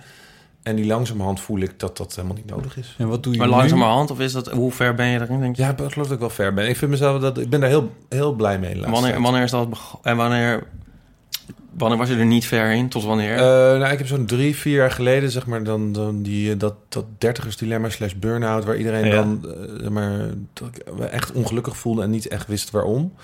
Eh, en dan vooral op het gebied van te veel druk, stress, terwijl ik het allemaal hele leuke dingen deed, maar het niet meer kon in banen leiden. En daar, in die periode heb ik eh, veel geleerd met eh, zelfreflectie, meditatie en tralalala. Maar daar is Nee, nee, voornamelijk... nee, niet tralala. Oh. Ik wil het Oh, precies sorry. weten. Ehm, eh, nou, een coach, meditatie, zelfreflectie. Heel erg leren om te luisteren naar mijn hart. Dus gewoon bij heel veel dingen denken, wil ik dit echt? Zeg maar, heb Welke ik dingen, echt wat zin voor dingen in? hebben we het dan over? Wat doe je nu bijvoorbeeld wel, wat je vier jaar Nee, geleden... zeggen, ja, dat klinkt, ik vind het bijna walgelijk om het hardop te Nee. zeggen. Maar gewoon denken, nou, daar heb ik geen zin in. Eh, dat, en dat is ook prima om het niet te doen. En wat voor Ehm, dingen hebben we het dan over? Eh, Dat varieert van werk, vrienden, eh, diners, eh, familiedingen. Allerlei dingen waar ik gewoon beter ben geworden, denk ik, in doseren en het daardoor meer waarderen. Maar ook eh, me niet meer zo, dat is dan meer over wat ik in die e-mails geef, van me niet meer heel erg druk maken om het pad wat ik misschien voor mezelf ooit had gekozen. Ja, ja, maar, Mhm. ja ik moet even zitten even aan een voorbeeld te denken. Want het is niet zo, het is niet zo makkelijk in voorbeelden te uiten, denk ik. Nee, nou, ik, want ik, maar meer ook dat las- ik gewoon denk, dat ik, ja, het, het klinkt als een soort utopie, maar ik geloof dat ik me op heel veel vlakken niet meer, op veel minder druk maak over wat mensen Ja. daarvan vinden of wat Ja. mensen denken over mij. Of dat ik meer durf mezelf te zijn of te zeggen, nou ja, prima, weet je, eh, heb er lekker je mening over. Of, en dat belemmert me minder. Dus ik denk dat het meer in mijn hoofd afspeelt dan heel erg eh, in wat ik nou daadwerkelijk doe. Ook al denk Ja. ik wel dat ik het i- iets ander je waar leven ik- ben gaan leiden. ik Minder sociaal ben ik denk Ja. ook wel een beetje geworden. Ik wil meer wat dingen voor mezelf gaan doen. Eh podcast gaan luisteren. podcast luisteren. Ja, echt. Ja, wel gewoon meer dingen van ja, hier heb ik nu zin in. En dat was toen ook wel een beetje dat DJ'en of gewoon dingen ben gaan doen. precies. Ja, daar heb ik gewoon zin in. Ik ga dat gewoon doen en we Ja. zien wel. En, Want ik, ik las het en het is niet dat ik jou nou heel erg goed ken. We komen elkaar denk ik één keer in het half jaar ergens tegen. Mhm. En het is altijd leuk en goed. Maar ik ken je niet heel goed. Maar ik, ik, toen ik het las, toen dacht ik... ehm, want, want eigenlijk ken ik je een beetje, ook al een beetje als een introvert iemand. Maar dat is in de laatste jaren heel erg veranderd. Want eh, het was al wel altijd zo dat je bent lang, dat hoeven we nu niet meer ingewikkeld over te doen. Maar als jij binnenkomt, dan komt er ook echt iemand binnen. Ja. Je kijkt niet over jou heen. En dat was altijd wat meer onopvallend. En nu in de laatste jaren heb ik het gevoel... bedoel, Je, je maakt die feestjes, dan ben je de man, dan ben je de, de, de, je bent baas geworden, überhaupt van een eigen bedrijf. Dat je in dat opzicht ook meer van jezelf hebt laten zien. En dat dat ook zijn vruchten afwerpt in de zin van... Nou ja, op zich was ik op mijn eh, twaalfde kinderburgemeester van Leerdam en stond ik eh, voor eh, pleinen mensen toe te Dus spreken. dat introverte slaat echt helemaal en nergens op. Espresso was ik natuurlijk hoofdredacteur. Ja. Dus ik ben wel altijd vrij ex- juist heel extravert geweest. Mhm. Misschien ben ik wel een tijdje in mijn schulp Hmm. op het gebied van lengte, homoseksualiteit en misschien niet helemaal comfortabel zijn met wie ik ben. Dat heeft ook met uiterlijk te maken, geen vriendje hebben. Hmm. Eh, en al die factoren van meer het werk doen wat ik nu, wat ik voel, dat ik dus zeg van wow, ik doe nu echt iets wat ik echt heel leuk vind en alles wat ik bedenk of doe, dat, dat doe ik gewoon. Dat lukt. Ik ga feestjes bedenken en ik ga DJ'en en ik ga een bedrijf bedenken en dat lukt. Ja. Eh, en, dat, en, en waar dat nou precies zit. ehm, maar ik denk dat het ook gewoon te maken heeft met eh, geluk zijn en leren om naar je kompas te luisteren. En dat ik toen jij mij leerde kennen wel meer in mijn schulp zat of ook wel meer ongelukkig was. Hmm. Ergens. Oh, ik ben nooit echt heel ongelukkig geweest. Het is- het is niet echt in Nee, die indruk heb je ook nooit gemaakt trouwens. Maar minder goed in mijn vel dan Ja. nu. Dus Ja. dat heeft het misschien dan meer. Dat ik dan, dan kun je ook minder jezelf zijn. Dan kun je maar introvert. Ik ben altijd in mijn omgeving, zeg maar, mega extravert geweest. Maar misschien ook qua social media of qua naar mensen die ik minder goed ken, ben ik minder terughoudend nu dan eh, destijds. Ja. Omdat ik nu daar gelukkiger mee ben, ja. Denk ik. Maar introvert, wauw, echt nog nooit heeft iemand mij introvert genoemd. Dus dat nee, ook wel grappig. nee, zo zie je maar weer. maar Nee, misschien een soort besch- valse bescheidenheid of zo? Of, eh, Nou ja, ik, nee, ik, ik weet niet. Ik heb wel vaker hoor met mensen die... Want, want op zichzelf heb je wel gelijk dat, dat je, je, je, hebt wel altijd een soort vooraanstaande positie gehad binnen wat dan ook. Ja, in mijn leven ook. Maar- Weet je, in de klas werd ik altijd meteen als eerste uitgekozen Maar voor ik- wat dan ook. Ja. En altijd, of het nou negatief of positief was. Maar ik ken heel veel mensen die dat wel hebben, maar die eigenlijk als je, als je, als je er goed naar kijkt, dat Ja, dat dan dat toch eigenlijk... Ik vind het knap dat je het ziet, want ik denk dat je gelijk hebt. Als ik ben er ook achter gekomen, bijvoorbeeld dat ik... Oh ja, dat is, dat is pas sinds kort. Ik ben dus geen groepsmens. nou, dat is echt een soort, dat is een soort nachtmerrie geweest toen ik dat eh, besefte. En ik ben wel, ik vind het fantastisch, een groep mensen zijn. Dus ik, ik ben altijd een soort van ja, de voortrekker in mijn familie geweest, in vriendengroepen, in mijn werk. En natuurlijk nu met het werk wat ik ook doe. Maar het groepsproces Mhm. is, vind, is heel zwaar voor mij, zeg maar. Omdat ik me dat allemaal aantrek en mega veel radars op mijn hoofd heb staan. Dus ik ga er eigenlijk best wel lekker op om gewoon soms eh, de eeuw van de amateur in een hoekje eh, te luisteren. En dat denk ik, daar, heb, daar luister ik nu beter naar. En dan is het daarna ook prettiger weer om in groepen vrienden te zijn. Of Ja. ja, ja weer wel die dingen doen. Want het maakt me heel blij. Maar ik deed het te veel. Dus ik was ook helemaal uitgeput en helemaal... En misschien ook dan zo uitgeput dat je ook te bewust van jezelf bent. En dan, nou ja, er spelen allemaal andere factoren mee. Ja. En nu denk ik dat ik meer ook... eh, ja, dat er, ja, zie dat ik dat soms niet moet doen. En soms ook naar huis moet. Of lekker in mijn eentje dingen moet doen. Of, mijn vriendje is bijvoorbeeld enorme introvert. En ik denk dat ik dat niet voor niks eh, heb gekozen. Ik had vandaag nog over in een WhatsApp-groep... ehm, met mijn vrienden. Het ging over dat eh, twee mensen die elkaar eh, kenden... die waren allebei dan introvert en praten niet zoveel. En toen zei iedereen, nou, dat kan niet hoor. En dan moet die andere wel echt ook extravert zijn. En toen zei ik, nou... Het lijkt me eigenlijk best wel prettig inmiddels. Nu ik zeven jaar lang met introvert denk ik... Oh, dat is zo feest soms om met hem te zijn. Hoe je, hoe je ook soms niet alles hoeft te benoemen en alles hoeft te bespreken en Mhm. alles hoeft te. Dat heb ik wel, denk ik, meer, juist meer geleerd. Ehm, eh, dus ja, nou ja, dat. Mooi. Staat er een punt? Ja, ja, ja. ja, ja, ja. Dat is wel een punt. Ja. Ik denk ook dat we wel veel Ben jij een introvert? Extra? Eh, Intro, ook, denk ook ik toch? beide. Maar ook raar als Eh, radiomaker. Dat kan. Nee, dat gaat heel goed samen. Ja, ja, dat gaat heel goed samen. Nee, ik vind het heel leuk om, eh, om voor de microfoon te babbelen. Ik vind het heel leuk om op podium te staan. Ik vind het heel leuk om eh, of met de microfoon of met de gitaar. Vind ik allebei eh, wel leuk. En daar maak ik me ook echt totaal niet zenuwachtig over. Eh, of om op de radio dingen te vertellen. Zelfs op televisie met Ipe samen hebben we nog dingen gedaan. Maar toen was je wel heel ongelukkig. Toen was ik wel heel ongelukkig, ja. Maar dat, dat, dat, ja, maar ja, goed. Dat heeft dan weer te maken met dat ik dan niet weet wat er precies op me afkomt. En daar kan ik heel slecht tegen. Ja.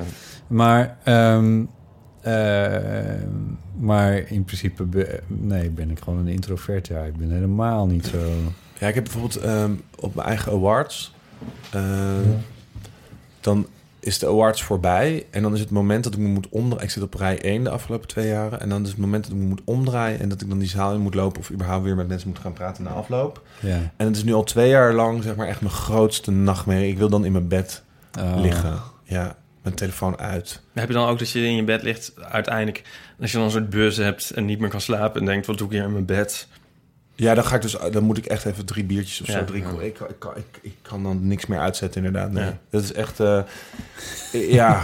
dus dat is een heel heftig contrast. Dat ik aan de ene kant vraag ik erom en wil ik dat en wil ik die feestjes organiseren en wil ik awards organiseren en wil ik superveel vrienden om me heen en ik ben een enorm sociaal dier. En aan de andere kant vind ik het soms echt allemaal veel te veel. En daar probeer ik me nu dan beter voor te beschermen. Dus dan de juiste mensen om me heen en op het juiste moment even niet. En vooral dus niet die biertjes drinken.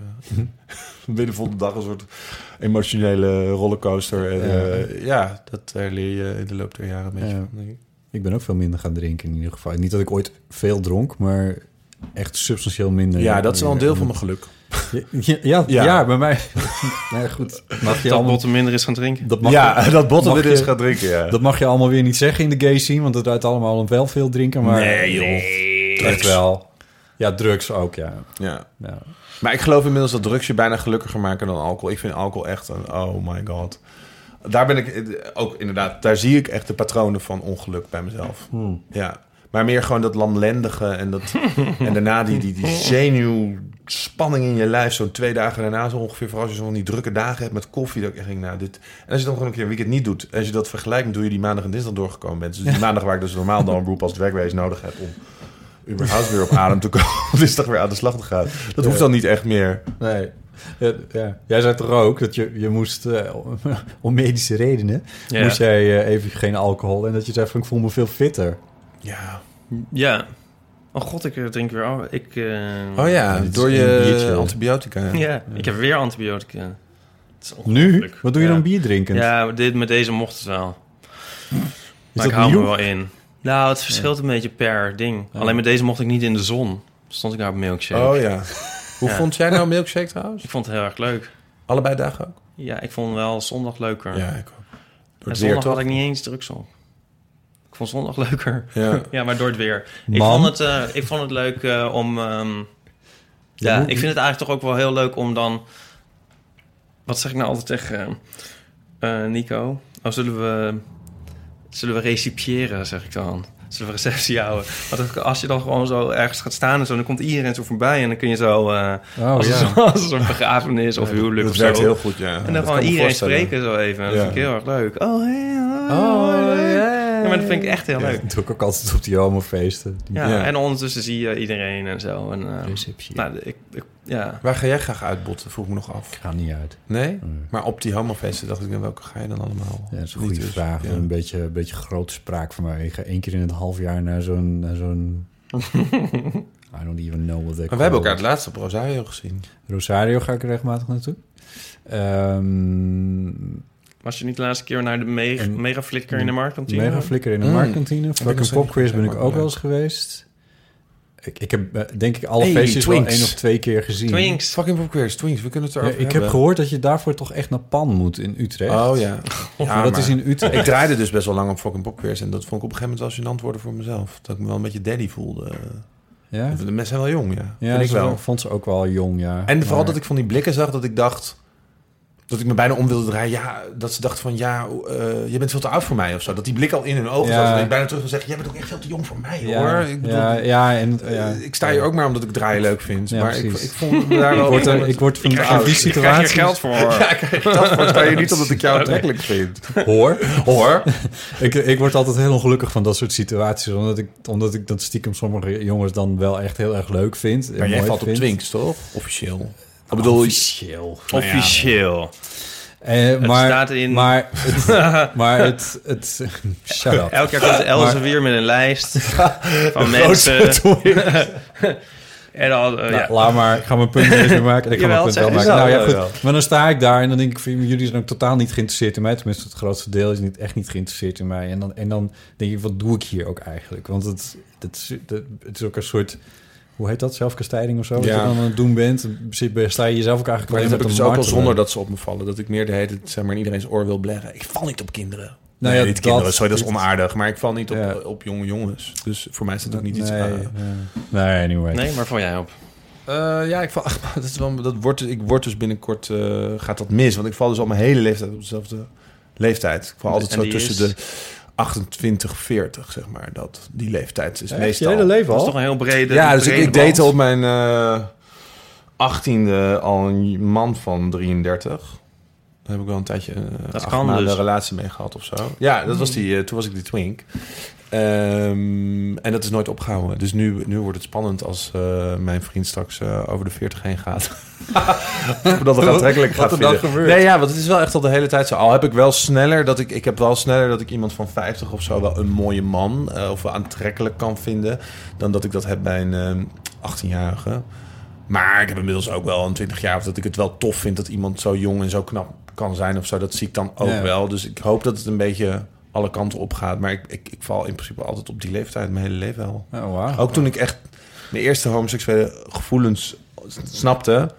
was dat altijd al oudere... vond ik oudere mannen spannend. Wat een... eh, Dus behaarde nu- mensen en de, de- een beetje meer daddies en Oh, zo... oh, vond ja. ik dan heel Oh, spannend. Ja, dat vond Want ik ik heb het wel. idee dat dat hele op twinks vallen is een soort heel eh, soort eh, is dit een woord prevalent beeld van in de in de gay scene, maar dat is best wel vertekend denk ik. Want er zijn nou er zijn ook echt best wel veel mensen die op ouder vallen. Ja, ik heb Gelukkig dus wel, ja. iemand die echt Ja. op 60 valt. Ja, en, maar je eh, hoort, een, je hoort er dus nooit nee, iets over. Nee, dat is echt heel Met veel heel mensen, denk ik. dat. Ja, ja. ja.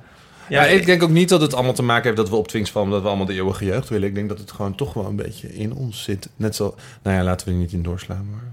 Ik denk dat gewoon heel veel smaakjes en dingen die we leuk vinden... of die diep in ons zitten... ja, die zijn niet zo heel goed te verklaren. Of, eh, maar dat zit gewoon in ons. Dat kun je ook Ja. niet echt beïnvloeden. Dus dat je daarop valt, ja, ik bedoel, ja, het is wat het is. Ik denk... ja. Ik, mijn, al mijn vriendjes waren altijd uit 1982. Maar Nico is uit 1991. Dus ik moet net Ja, wel goed gedaan, hè? Maar dat, Ja. Ja, Nou, ik heb wel eens over jammer. nagedacht hoor, heel eerlijk. Van, had ik, moet ik niet slim straks toch nog een heel jong nog iemand... snel switchen. Ja, toch nog snel, snel een jonge switch maken naar iemand die niet twee jaar ouder is. Maar ja, ik heb dus altijd op... Dit is echt al de allerjongste persoon qua leeftijdsverschil ooit voor mij geweest. Dus, eh, Slechts twee jaar ouder. Slechts twee jaar ouder is wel, ja. Ik ben nooit, ik ben nooit ouder geweest. Nee, dat kan echt niet. Dus, eh, en nu zie ik het wel sneller gebeuren. Dus dat is het gekke. Ja, het is wel aan het omslaan dan nu. Nu denk ik wel, nou, ik zou wel met iemand van 27 een relatie kunnen Ja. hebben. Oh maar dan blijft het echt... echt no Oh. Ik ben zo bang dat het bij mijzelf een soort, soort, soort obsessie wordt ook. Eh, Die jonge jongens. Jonge jongens, we hebben het over. Dit gaat niet, dit gaat niet over jongens van 16 bij mij. Dat gaat Nou, het is, 26. het is natuurlijk lastig. Hoe ouder je wordt, hoe lastiger dat natuurlijk Nou, wel is. ja. Als je echt op je Ik 70 merk zelf- Oh, die jongetjes lekker van 18. eh. Ja, het is toch heel gênant. Dat, zo iemand wil ik echt niet zijn of Nee. worden. Of, Maar je kan het natuurlijk wel gewoon aantrekkelijk vinden. Ik vind dat... ja, Ja, doei. Ik, Dat ik hoop dat ik prima? er, ik hoop dat ik er een Net beetje... goed dat ik als als 17-jarige mocht ik toch ook een 40-jarige aantrekkelijk Ja, vinden. Daar heeft toch niemand over precies. gezegd... Nee, die reet, je mag niet die... eh, Ik hoop dat ik het een beetje, aantrekkelijk beetje hoe zeg je dat, gedecideerd, een beetje... Waar ben je bang voor dan? Ja, dat het gewoon heel sneu wordt. Ja. Maar in welke vorm? Ja, überhaupt het eeuwige najaar. Ja, dat is- En, maar ook omdat je... ik, Maar zou je dan ook bijvoorbeeld vorig jaar mensen verkering- online of zo gaan benaderen als je straks eh, 60 bent of zo, die 18 zijn? Bedoel, dat- dat misschien. Nou, dat weet ik niet, maar dat zou natuurlijk... Nou, trouwens, als zij zelf heel erg into daddy zijn, ja. Ja. Ja, dan is er ook niet zo gek veel meer mis, maar... Ik Je heb kan vorig jaar, vorig jaar botten een tijdje verkering gehad met een jongen die toen 24 was. En dat was best wel een leeftijdsverschil. En superleuke jongen trouwens, echt, echt een schat. En die, maar toen merkte ik ook van ja, ik ben toch wel echt wel substantieel ouder. En er zijn gewoon andere dingen die mij interesseren Ja. en zo. Dus het- Het is qua relatie niet te doen. nee, niet echt. Nee. Nou, ik schil dus ook 15 jaar met Nico. Ja, maar ja, jij bent ook gewoon een kind. Ik ben ook een kind. Maar Nico, is ook heel slim. Volgens mij, ja, precies. Dat is wel iemand die Ja. met jou mee kan, toch? Ja, ja. Want dat lijkt me het grootste probleem inderdaad. Want Ja. Ik heb ook wel eh, mensen op mij die met jongere mensen daten. En dat wordt al vrij snel een probleem als je inderdaad... Ja, waar ga je het over hebben op een gegeven moment? Ja. Ja, ni- niks Maar te dat- nadelen dat- maar van dan mijn, daarin mijn wil ik even zeggen, die jongen die, ik dus gedate heb, dat, dat, dat Als is hij nu ook een super slimme jongen en Ja. ook wel echt wel ouder voor zijn leeftijd. Maar gewoon in andere zin, gewoon de dingen die hem interesseren, de muziek die hem interesseert en, eh, en dat Ja. soort, eh, dat soort dingen. Maar ik denk dat het al dat je erover nadenkt van... ik wil niet eh, treurig of zielig. Dat is al genoeg, denk ik. Dat je Ja. gewoon eh, je er bewust van bent. ja, precies. Is al meer dan met je kop in het zand. Ja, Ja. ja maar wa- waar wel, ook met qua e-mail... wat is treurig? Hè? En wat, wie bepaalt dat? Ja, En, eh, nee, dat is natuurlijk ook weer zo. En- Dat heb ik met veel dingen, ook met mensen met heel veel leeftijdsverschil of zo. Denk ik, ja, god, eh, ik zou echt de laatste zijn die dat eh, gaat lopen veroordelen. Nee. Ik vind het altijd heel terug als mensen dat veroordelen. Dat kan niet. dat is dan dat is vaker bij vrouwen zo, eh, vrouw-man zo dan bij man-man. Ja. Doen homo's minder snel dat allemaal heel verwerpelijk vinden. Denk, Ja, ga- En soms werkt het ook lekker waar je gewoon zin in hebt. Zoals tussen Nieke, Nico en Ipe. Dan werkt het weer wel. Ja. Leeftijdsverschil. Ik vraag me wel af hoe dat nog gaat fluctueren over de tijd. Iemand maakt een keer een heel zure comment op de site. En ehm, die onthoud je altijd. Van, eh, ja, hoe moet dat nou? Oh, ja. En dat moet dan straks 40 en 55 worden, zei toen iemand. Maar dan maakt het toch juist, dan is toch het verschil eigenlijk alleen maar kleiner. Ja, zeg dat weet ik niet. Ja, het ligt er een beetje aan. Ik denk dat eh, dat kan... eh, ik denk dus dat dat kan... eh, dat dat soort zo kan gaan. Ja. Kun je die handbeweging die je ermee maakt Ja. even een klein beetje beschrijven voor de luisteraar? Nou, dus dat als je op bepaalde momenten dichter bij elkaar komt en op andere dan weer.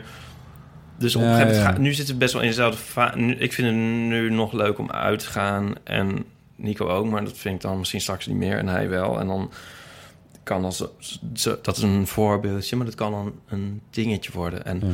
op een gegeven moment gaat iemand aftakelen en de andere is dan Ja. nog helemaal niet. Maar dan ben je al zo lang bij elkaar dat je Ja, dat het ook, leven dat- met elkaar ja, leidt. dat en dat je ook niet alles Ja. hoeft samen te doen. Oh, en, eh, hopelijk. Ja.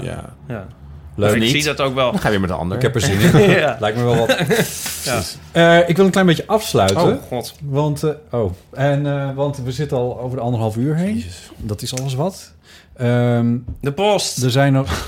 Ja, de- zullen we die met Paulien doen eh, de volgende keer? Want Nee, dat wil ze niet. Veel dingen die... Ja, dat wil ze wel. En, want er zijn veel dingen die... Ik moet eerlijk Oh, zeggen, ik heb nog heel veel nog niet gelezen. Oh, ik lig een beetje achter. Ik heb heel druk gehad. Ik hou ook helemaal niet van post. En uh, niet van post. Er was één, één iemand die een vraag stelde. Dat was Wat grappig dat je het post noemt. Jacco de Boer. Die stelde de vraag... Aan Diederik. Oh, specifiek dit- aan Diederik. Dit heb ik denk ik al gezien. Wanneer al die sluikreclame en corporate bagger op de socials stopt. Nou, nou, Poel, poel. please. En, mm, Hallo. Is dit over onze eigen platform of social media in het algemeen? Nee, op, op de socials. Dus ik neem aan dat hij daar gewoon... Het is trouwens fanatiek twitteraar, die jongen. Dus hij weet heel goed. Wanneer sluikreclame? Ja, daar stoor ik me trouwens enorm aan. Ik vind vooral... eh, maar dat maakt sociale media toch ook een beetje kapot... als dat voortdurend gebeurt. Nou, ik denk dat bijvoorbeeld branded content en dingen die eh, zeg maar wat meer natuurlijk in ons, eh, bij ons passen, zeg maar, dat, daar ben ik best wel voorstander van. Dus dat dingen wat meer passen bij eh, wat we zijn en wat we doen. Kijk, vroeger eh, zette ik als kind de tv aan en dacht ik, waarom zit ik weer naar een Libresse reclame en naar eh, Omo en naar allemaal shit te kijken, toch? Ja. Bedoel, we hebben ons helemaal kapot geërgerd. En dan denk Ja. ik nu, dat is een stuk minder erg nu. Nu hoeven we niet die eindeloze, al die ellende te kijken die niet voor ons bedoeld is. Nu zijn dingen meer voor ons bedoeld en wat organischer gemaakt. Oh, ik heb hier zo'n goede anekdote bij. Maar ik vind wel dat het eh, vooral transparant moet zijn. Dat je het uit moet kunnen zetten. Ja. Ehm, en ik vind het echt treurig dat er niet al betere wetten zijn op het gebied van influencers. En ehm, andere merken die gewoon, ja, die, dat gaat helemaal mis. Daar Eens. moeten echt gewoon goede Ja. wetten voor ontstaan. En nu bijvoorbeeld op Facebook mag je het niet meer doen. Gewoon officieel niet. Nee. Dus dat is al fijn. Dat, dat- je riskeert gewoon om, eh, om gedelete te worden. Wij bijvoorbeeld als de beste social media mogen niet zomaar over een merk schrijven als we daar betaald voor zijn. Ja. Ik weet niet hoe ze in mijn boekhouding gaan kijken, maar wij, wij zijn er dus heel transparant over. Merken ook dat iedereen dat heel prettig vindt. Dus als wij gewoon zeggen, hoi, dit is een samenwerking met merk X, dan klaagt helemaal niemand daarover. En als iemand klaagt, gaat iedereen zeggen, ja, maar zij moeten ook geld verdienen. Dus dat vind ik heel lief. Precies. Ja. En heel tof. Ehm, maar sluikreclame, en vooral bijvoorbeeld op Instagram... en grote mensen die dingen aanprijzen zonder er transparant over te zijn... en vooral op het gebied van kinderen... daar mag wel eens even echt morgen een wet voor zijn... Met afstraffen. En gewoon... Dat, dat duurt eigenlijk al te lang. Ja. Dus ik, ik, ik hoop dat het heel snel stopt. En het andere was gewoon commerciële bullshit. Wat was Nee, dat? corporate bagger, maar dat- ik denk dat je een beetje hetzelfde mee bedoelt. Maar corporate bagger vind ik dus al dat we al best wel de goede kant op gaan... qua Ja. dat dat minder erg is dan Ja. waar we in opgroeiden, vind ik Ja. zelf. Dat er toch meer dingen zijn... Ja, dat zijn van die woorden zoals authenticiteit. Dus, Maar het is wel... Ja. Ik vind de reclame minder erg geworden in mijn Ik ook. leven dan vroeger. Ik erger me op social media veel meer aan mijn vrienden dan aan, Ja. aan bedrijven. Oh my god. Wil, je mijn, wil je mijn anekdote nog horen? Ja, ik ook trouwens. Wat erg, leuk. denk ik. Ja, ik ook. Ik bereikte, ik bereikte dit voorjaar een zekere leeftijd. Ja. En toen kreeg ik echt letterlijk op mijn verjaardag van Facebook een advertentie te zien over urineverlies. Voor mannen. Dat vond ik, ja, vond ik best wel heftig. Urineverlies voor mannen. Ja. Oh, dat vind ik ook heftig, ja. ja, dat was gewoon getarget op die leeftijd. Nou, dat vond ik zo stom. Ik heb het echt ge- geblokt en gerapporteerd. Ik denk, zoek het maar uit, verdomme. Trouwens, nog tip. Als je aan dingen stoort, zeg maar, ik heb met mensen die dan, ik haat social media, want al die mensen die maar allemaal van die foto's posten van dingen waar ik niet op zit te wachten, denk ik altijd. Maar je kan ook even zelf je best doen om wat beter op te ruimen online. Ja, maar ik ben heel kritisch met wie ik volg, bijvoorbeeld op mijn Instagram. Ik, ik kijk bijvoorbeeld bij vrienden wel eens op hun Instagram en zeg, oh, wat een troep en al die naakte selfies. En, ja, maar wie volg je ook allemaal? Ja, ik, bedoel, ik volg gewoon, in principe, ik denk, ik geloof op dit moment dat ik tien mensen of zo volg die ik niet ken. En al helemaal al bijna niemand die me niet terugvolgt, Nee. waar ik dus geen interactie mee kan krijgen. Nee. Allemaal van die hele knappe mannen of uh, BN'ers. Ja, I don't echt, het interesseert me gewoon Nee. niet. Ik wil social media ook echt sociaal, omdat ik die mensen ken, omdat ik ze een keer ontmoet heb. Dan wordt het ook heel naar. En op terug- Facebook, ja, als je al die mensen uit je basisschool ook echt daadwerkelijk op blijft klikken en ze allemaal maar blijft volgen. Tuurlijk gaat je helemaal kapot aan storen dat je de hele dag dat soort ellende ziet. Ik bedoel, zet het uit, ontvolg ze. Ontvrienden vind ik zelf te radicaal. Heb ik, zelf ben ik liever hypocriet dat ik gewoon doei. Ja, Ik mute of zo. Ja, mute gewoon. Het is ook heel onvriendelijk, vind ik dat ontvrienden. Zo van, Ja. nou, ik hoef je nooit meer te zien. Maar Nee. je hoeft ze toch niet allemaal te volgen. En wees gewoon kritischer daarnaar. Ja. Ehm, en dus ik zou die reclame ook inderdaad meteen rapporteren. eh, nee, nooit Ja, meer. En dat vind ik wel fijn aan social media. Dus eh, de vraag... Ik denk dat we langzamerhand hopelijk dat het wat minder, nog wat minder erg wordt. ja. Dat, ik heb wel En maak er zelf ook nog- een beetje werk van. Dat is een beetje wat je Precies. eh, oproept. Hartstikke goed. Geen krant? Eh, hij was een beetje Oh, Kijk saai. er naar uit. Nou, Hij was echt heel saai. Oh. Eh, de NRC van, eh, want we zitten nu op 2 augustus, dus dat was 2 mei, dat was een dinsdag. Van 2, eh, de, de, de NRC van Als het al bot het al saai vindt, dan kunnen we eigenlijk beter zeggen van... Oké, laat maar, laat maar, laat maar. Oké. het regeringsvliegtuig gaat Oh, laat acht- maar. 18 miljoen euro Oh, nee, extra oh, ja. kosten. Daar openden ze mee. Ja, ik, ik heb er niet eens meer nagezocht wat, het nou, wat daar nou van is. Maar dat, dat Geen mening. te saai. tijd zit erop, hè? Ja, we gaan het gewoon We zijn gaan helaas vergeten te vragen... is Donald Trump de schuld van social media? We zullen het... eh, we zullen het Jullie hadden zijn gezicht moeten zien, ja. luisteraars. Dit is een hele goeie, ja. Waarom heb je die er niet in het begin in Ja, gegooid? weet ik niet. Omdat het nu begint dat bier te werken. Ah, ja. Dan Er wordt hoorde wel iemand zeggen die zei dat. Twitter alleen nu nog leeft doordat Trump bestaat. En Thierry Baudet.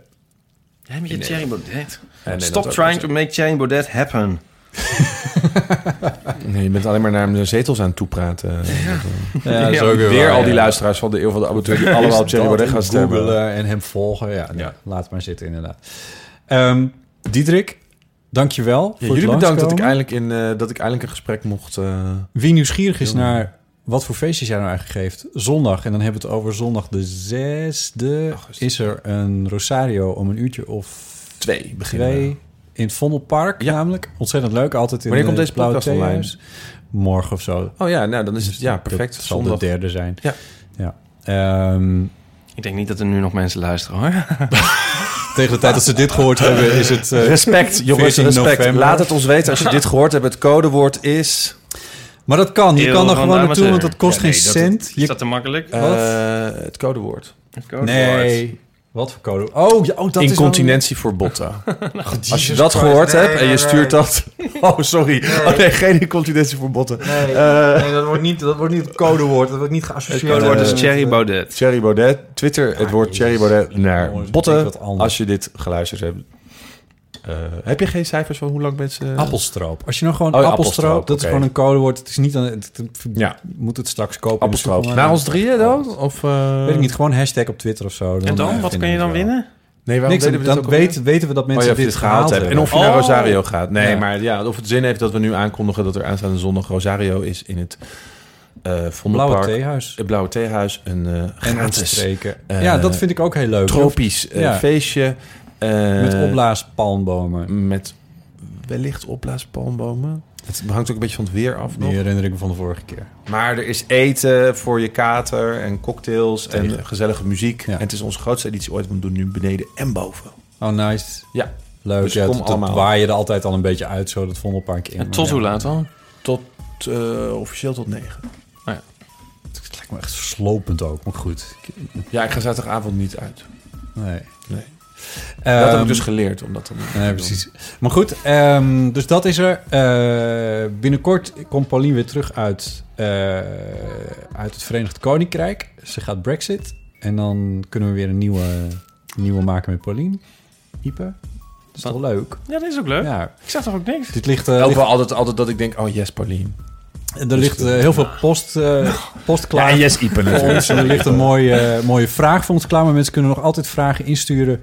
Die, waar ze van willen dat Pauline Ipe en ondergetekende het over gaan hebben. Dat kan gewoon naar botten.bottenjellema.nl. Dan kun je überhaupt reageren. Je kan ook eventjes een reactie achterlaten op iTunes bij de Eeuw van de Amateur. Want dat helpt ons weer hoger in de rankings. En dat is wel fijn, want er staat op dit moment in die rankings Tenzij Eigenlijk- je zegt... eigenlijk alleen... Appelstroop. Vreselijk. Eigenlijk, eigenlijk staat in die rankings op dit moment alleen Pauline. Want de KVA eh, die ze voorleest, dat boek, Ja, dat die, is opeens domineert helemaal, eh, echt die hele podcast. eh, viral gegaan. Ja, Weer? Nou ja, ja, om een of andere reden. En, eh, en omdat ze dat heeft opgeknipt in, in al die Ja. kleine stukjes. eh, oh, maar is er ook een de- chart met alleen maar afleveringen? De, ja. ja. Oh, En dat, ik ja, ben dol op lijstjes. Ja, Dus waar even, vind ik dat? Even Oh, doorklikken op iTunes. Oh, wat leuk. Dan vind je hem wel. Een soort top 100 staat daar. En daar staan Ah, wij altijd wel keurig in. En dat vind ik heel leuk. Wat is jullie hoogste notitie? Eh, volgens mij zijn we een keertje, wat was het nou? Ergens, 14. ergens eh, ja, hoog in de tieners zijn we gekomen. Dus dat is wel fijn. We willen nog hogers. Hoog in de tieners. Hogers. Hogers. In de tieners. Het is een beetje jullie taaltje, vrees ik. Deel deze aflevering met je vrienden. Ja. Like, share. Zet hem op de iPhone van je oma. Oh, ja, dat deed is ook een nog ding, hè? tijdje, Ja. Ja, ja. Anyway, dank voor het luisteren. Dank dat jullie er waren. En tot de volgende. Voor de uitnodiging.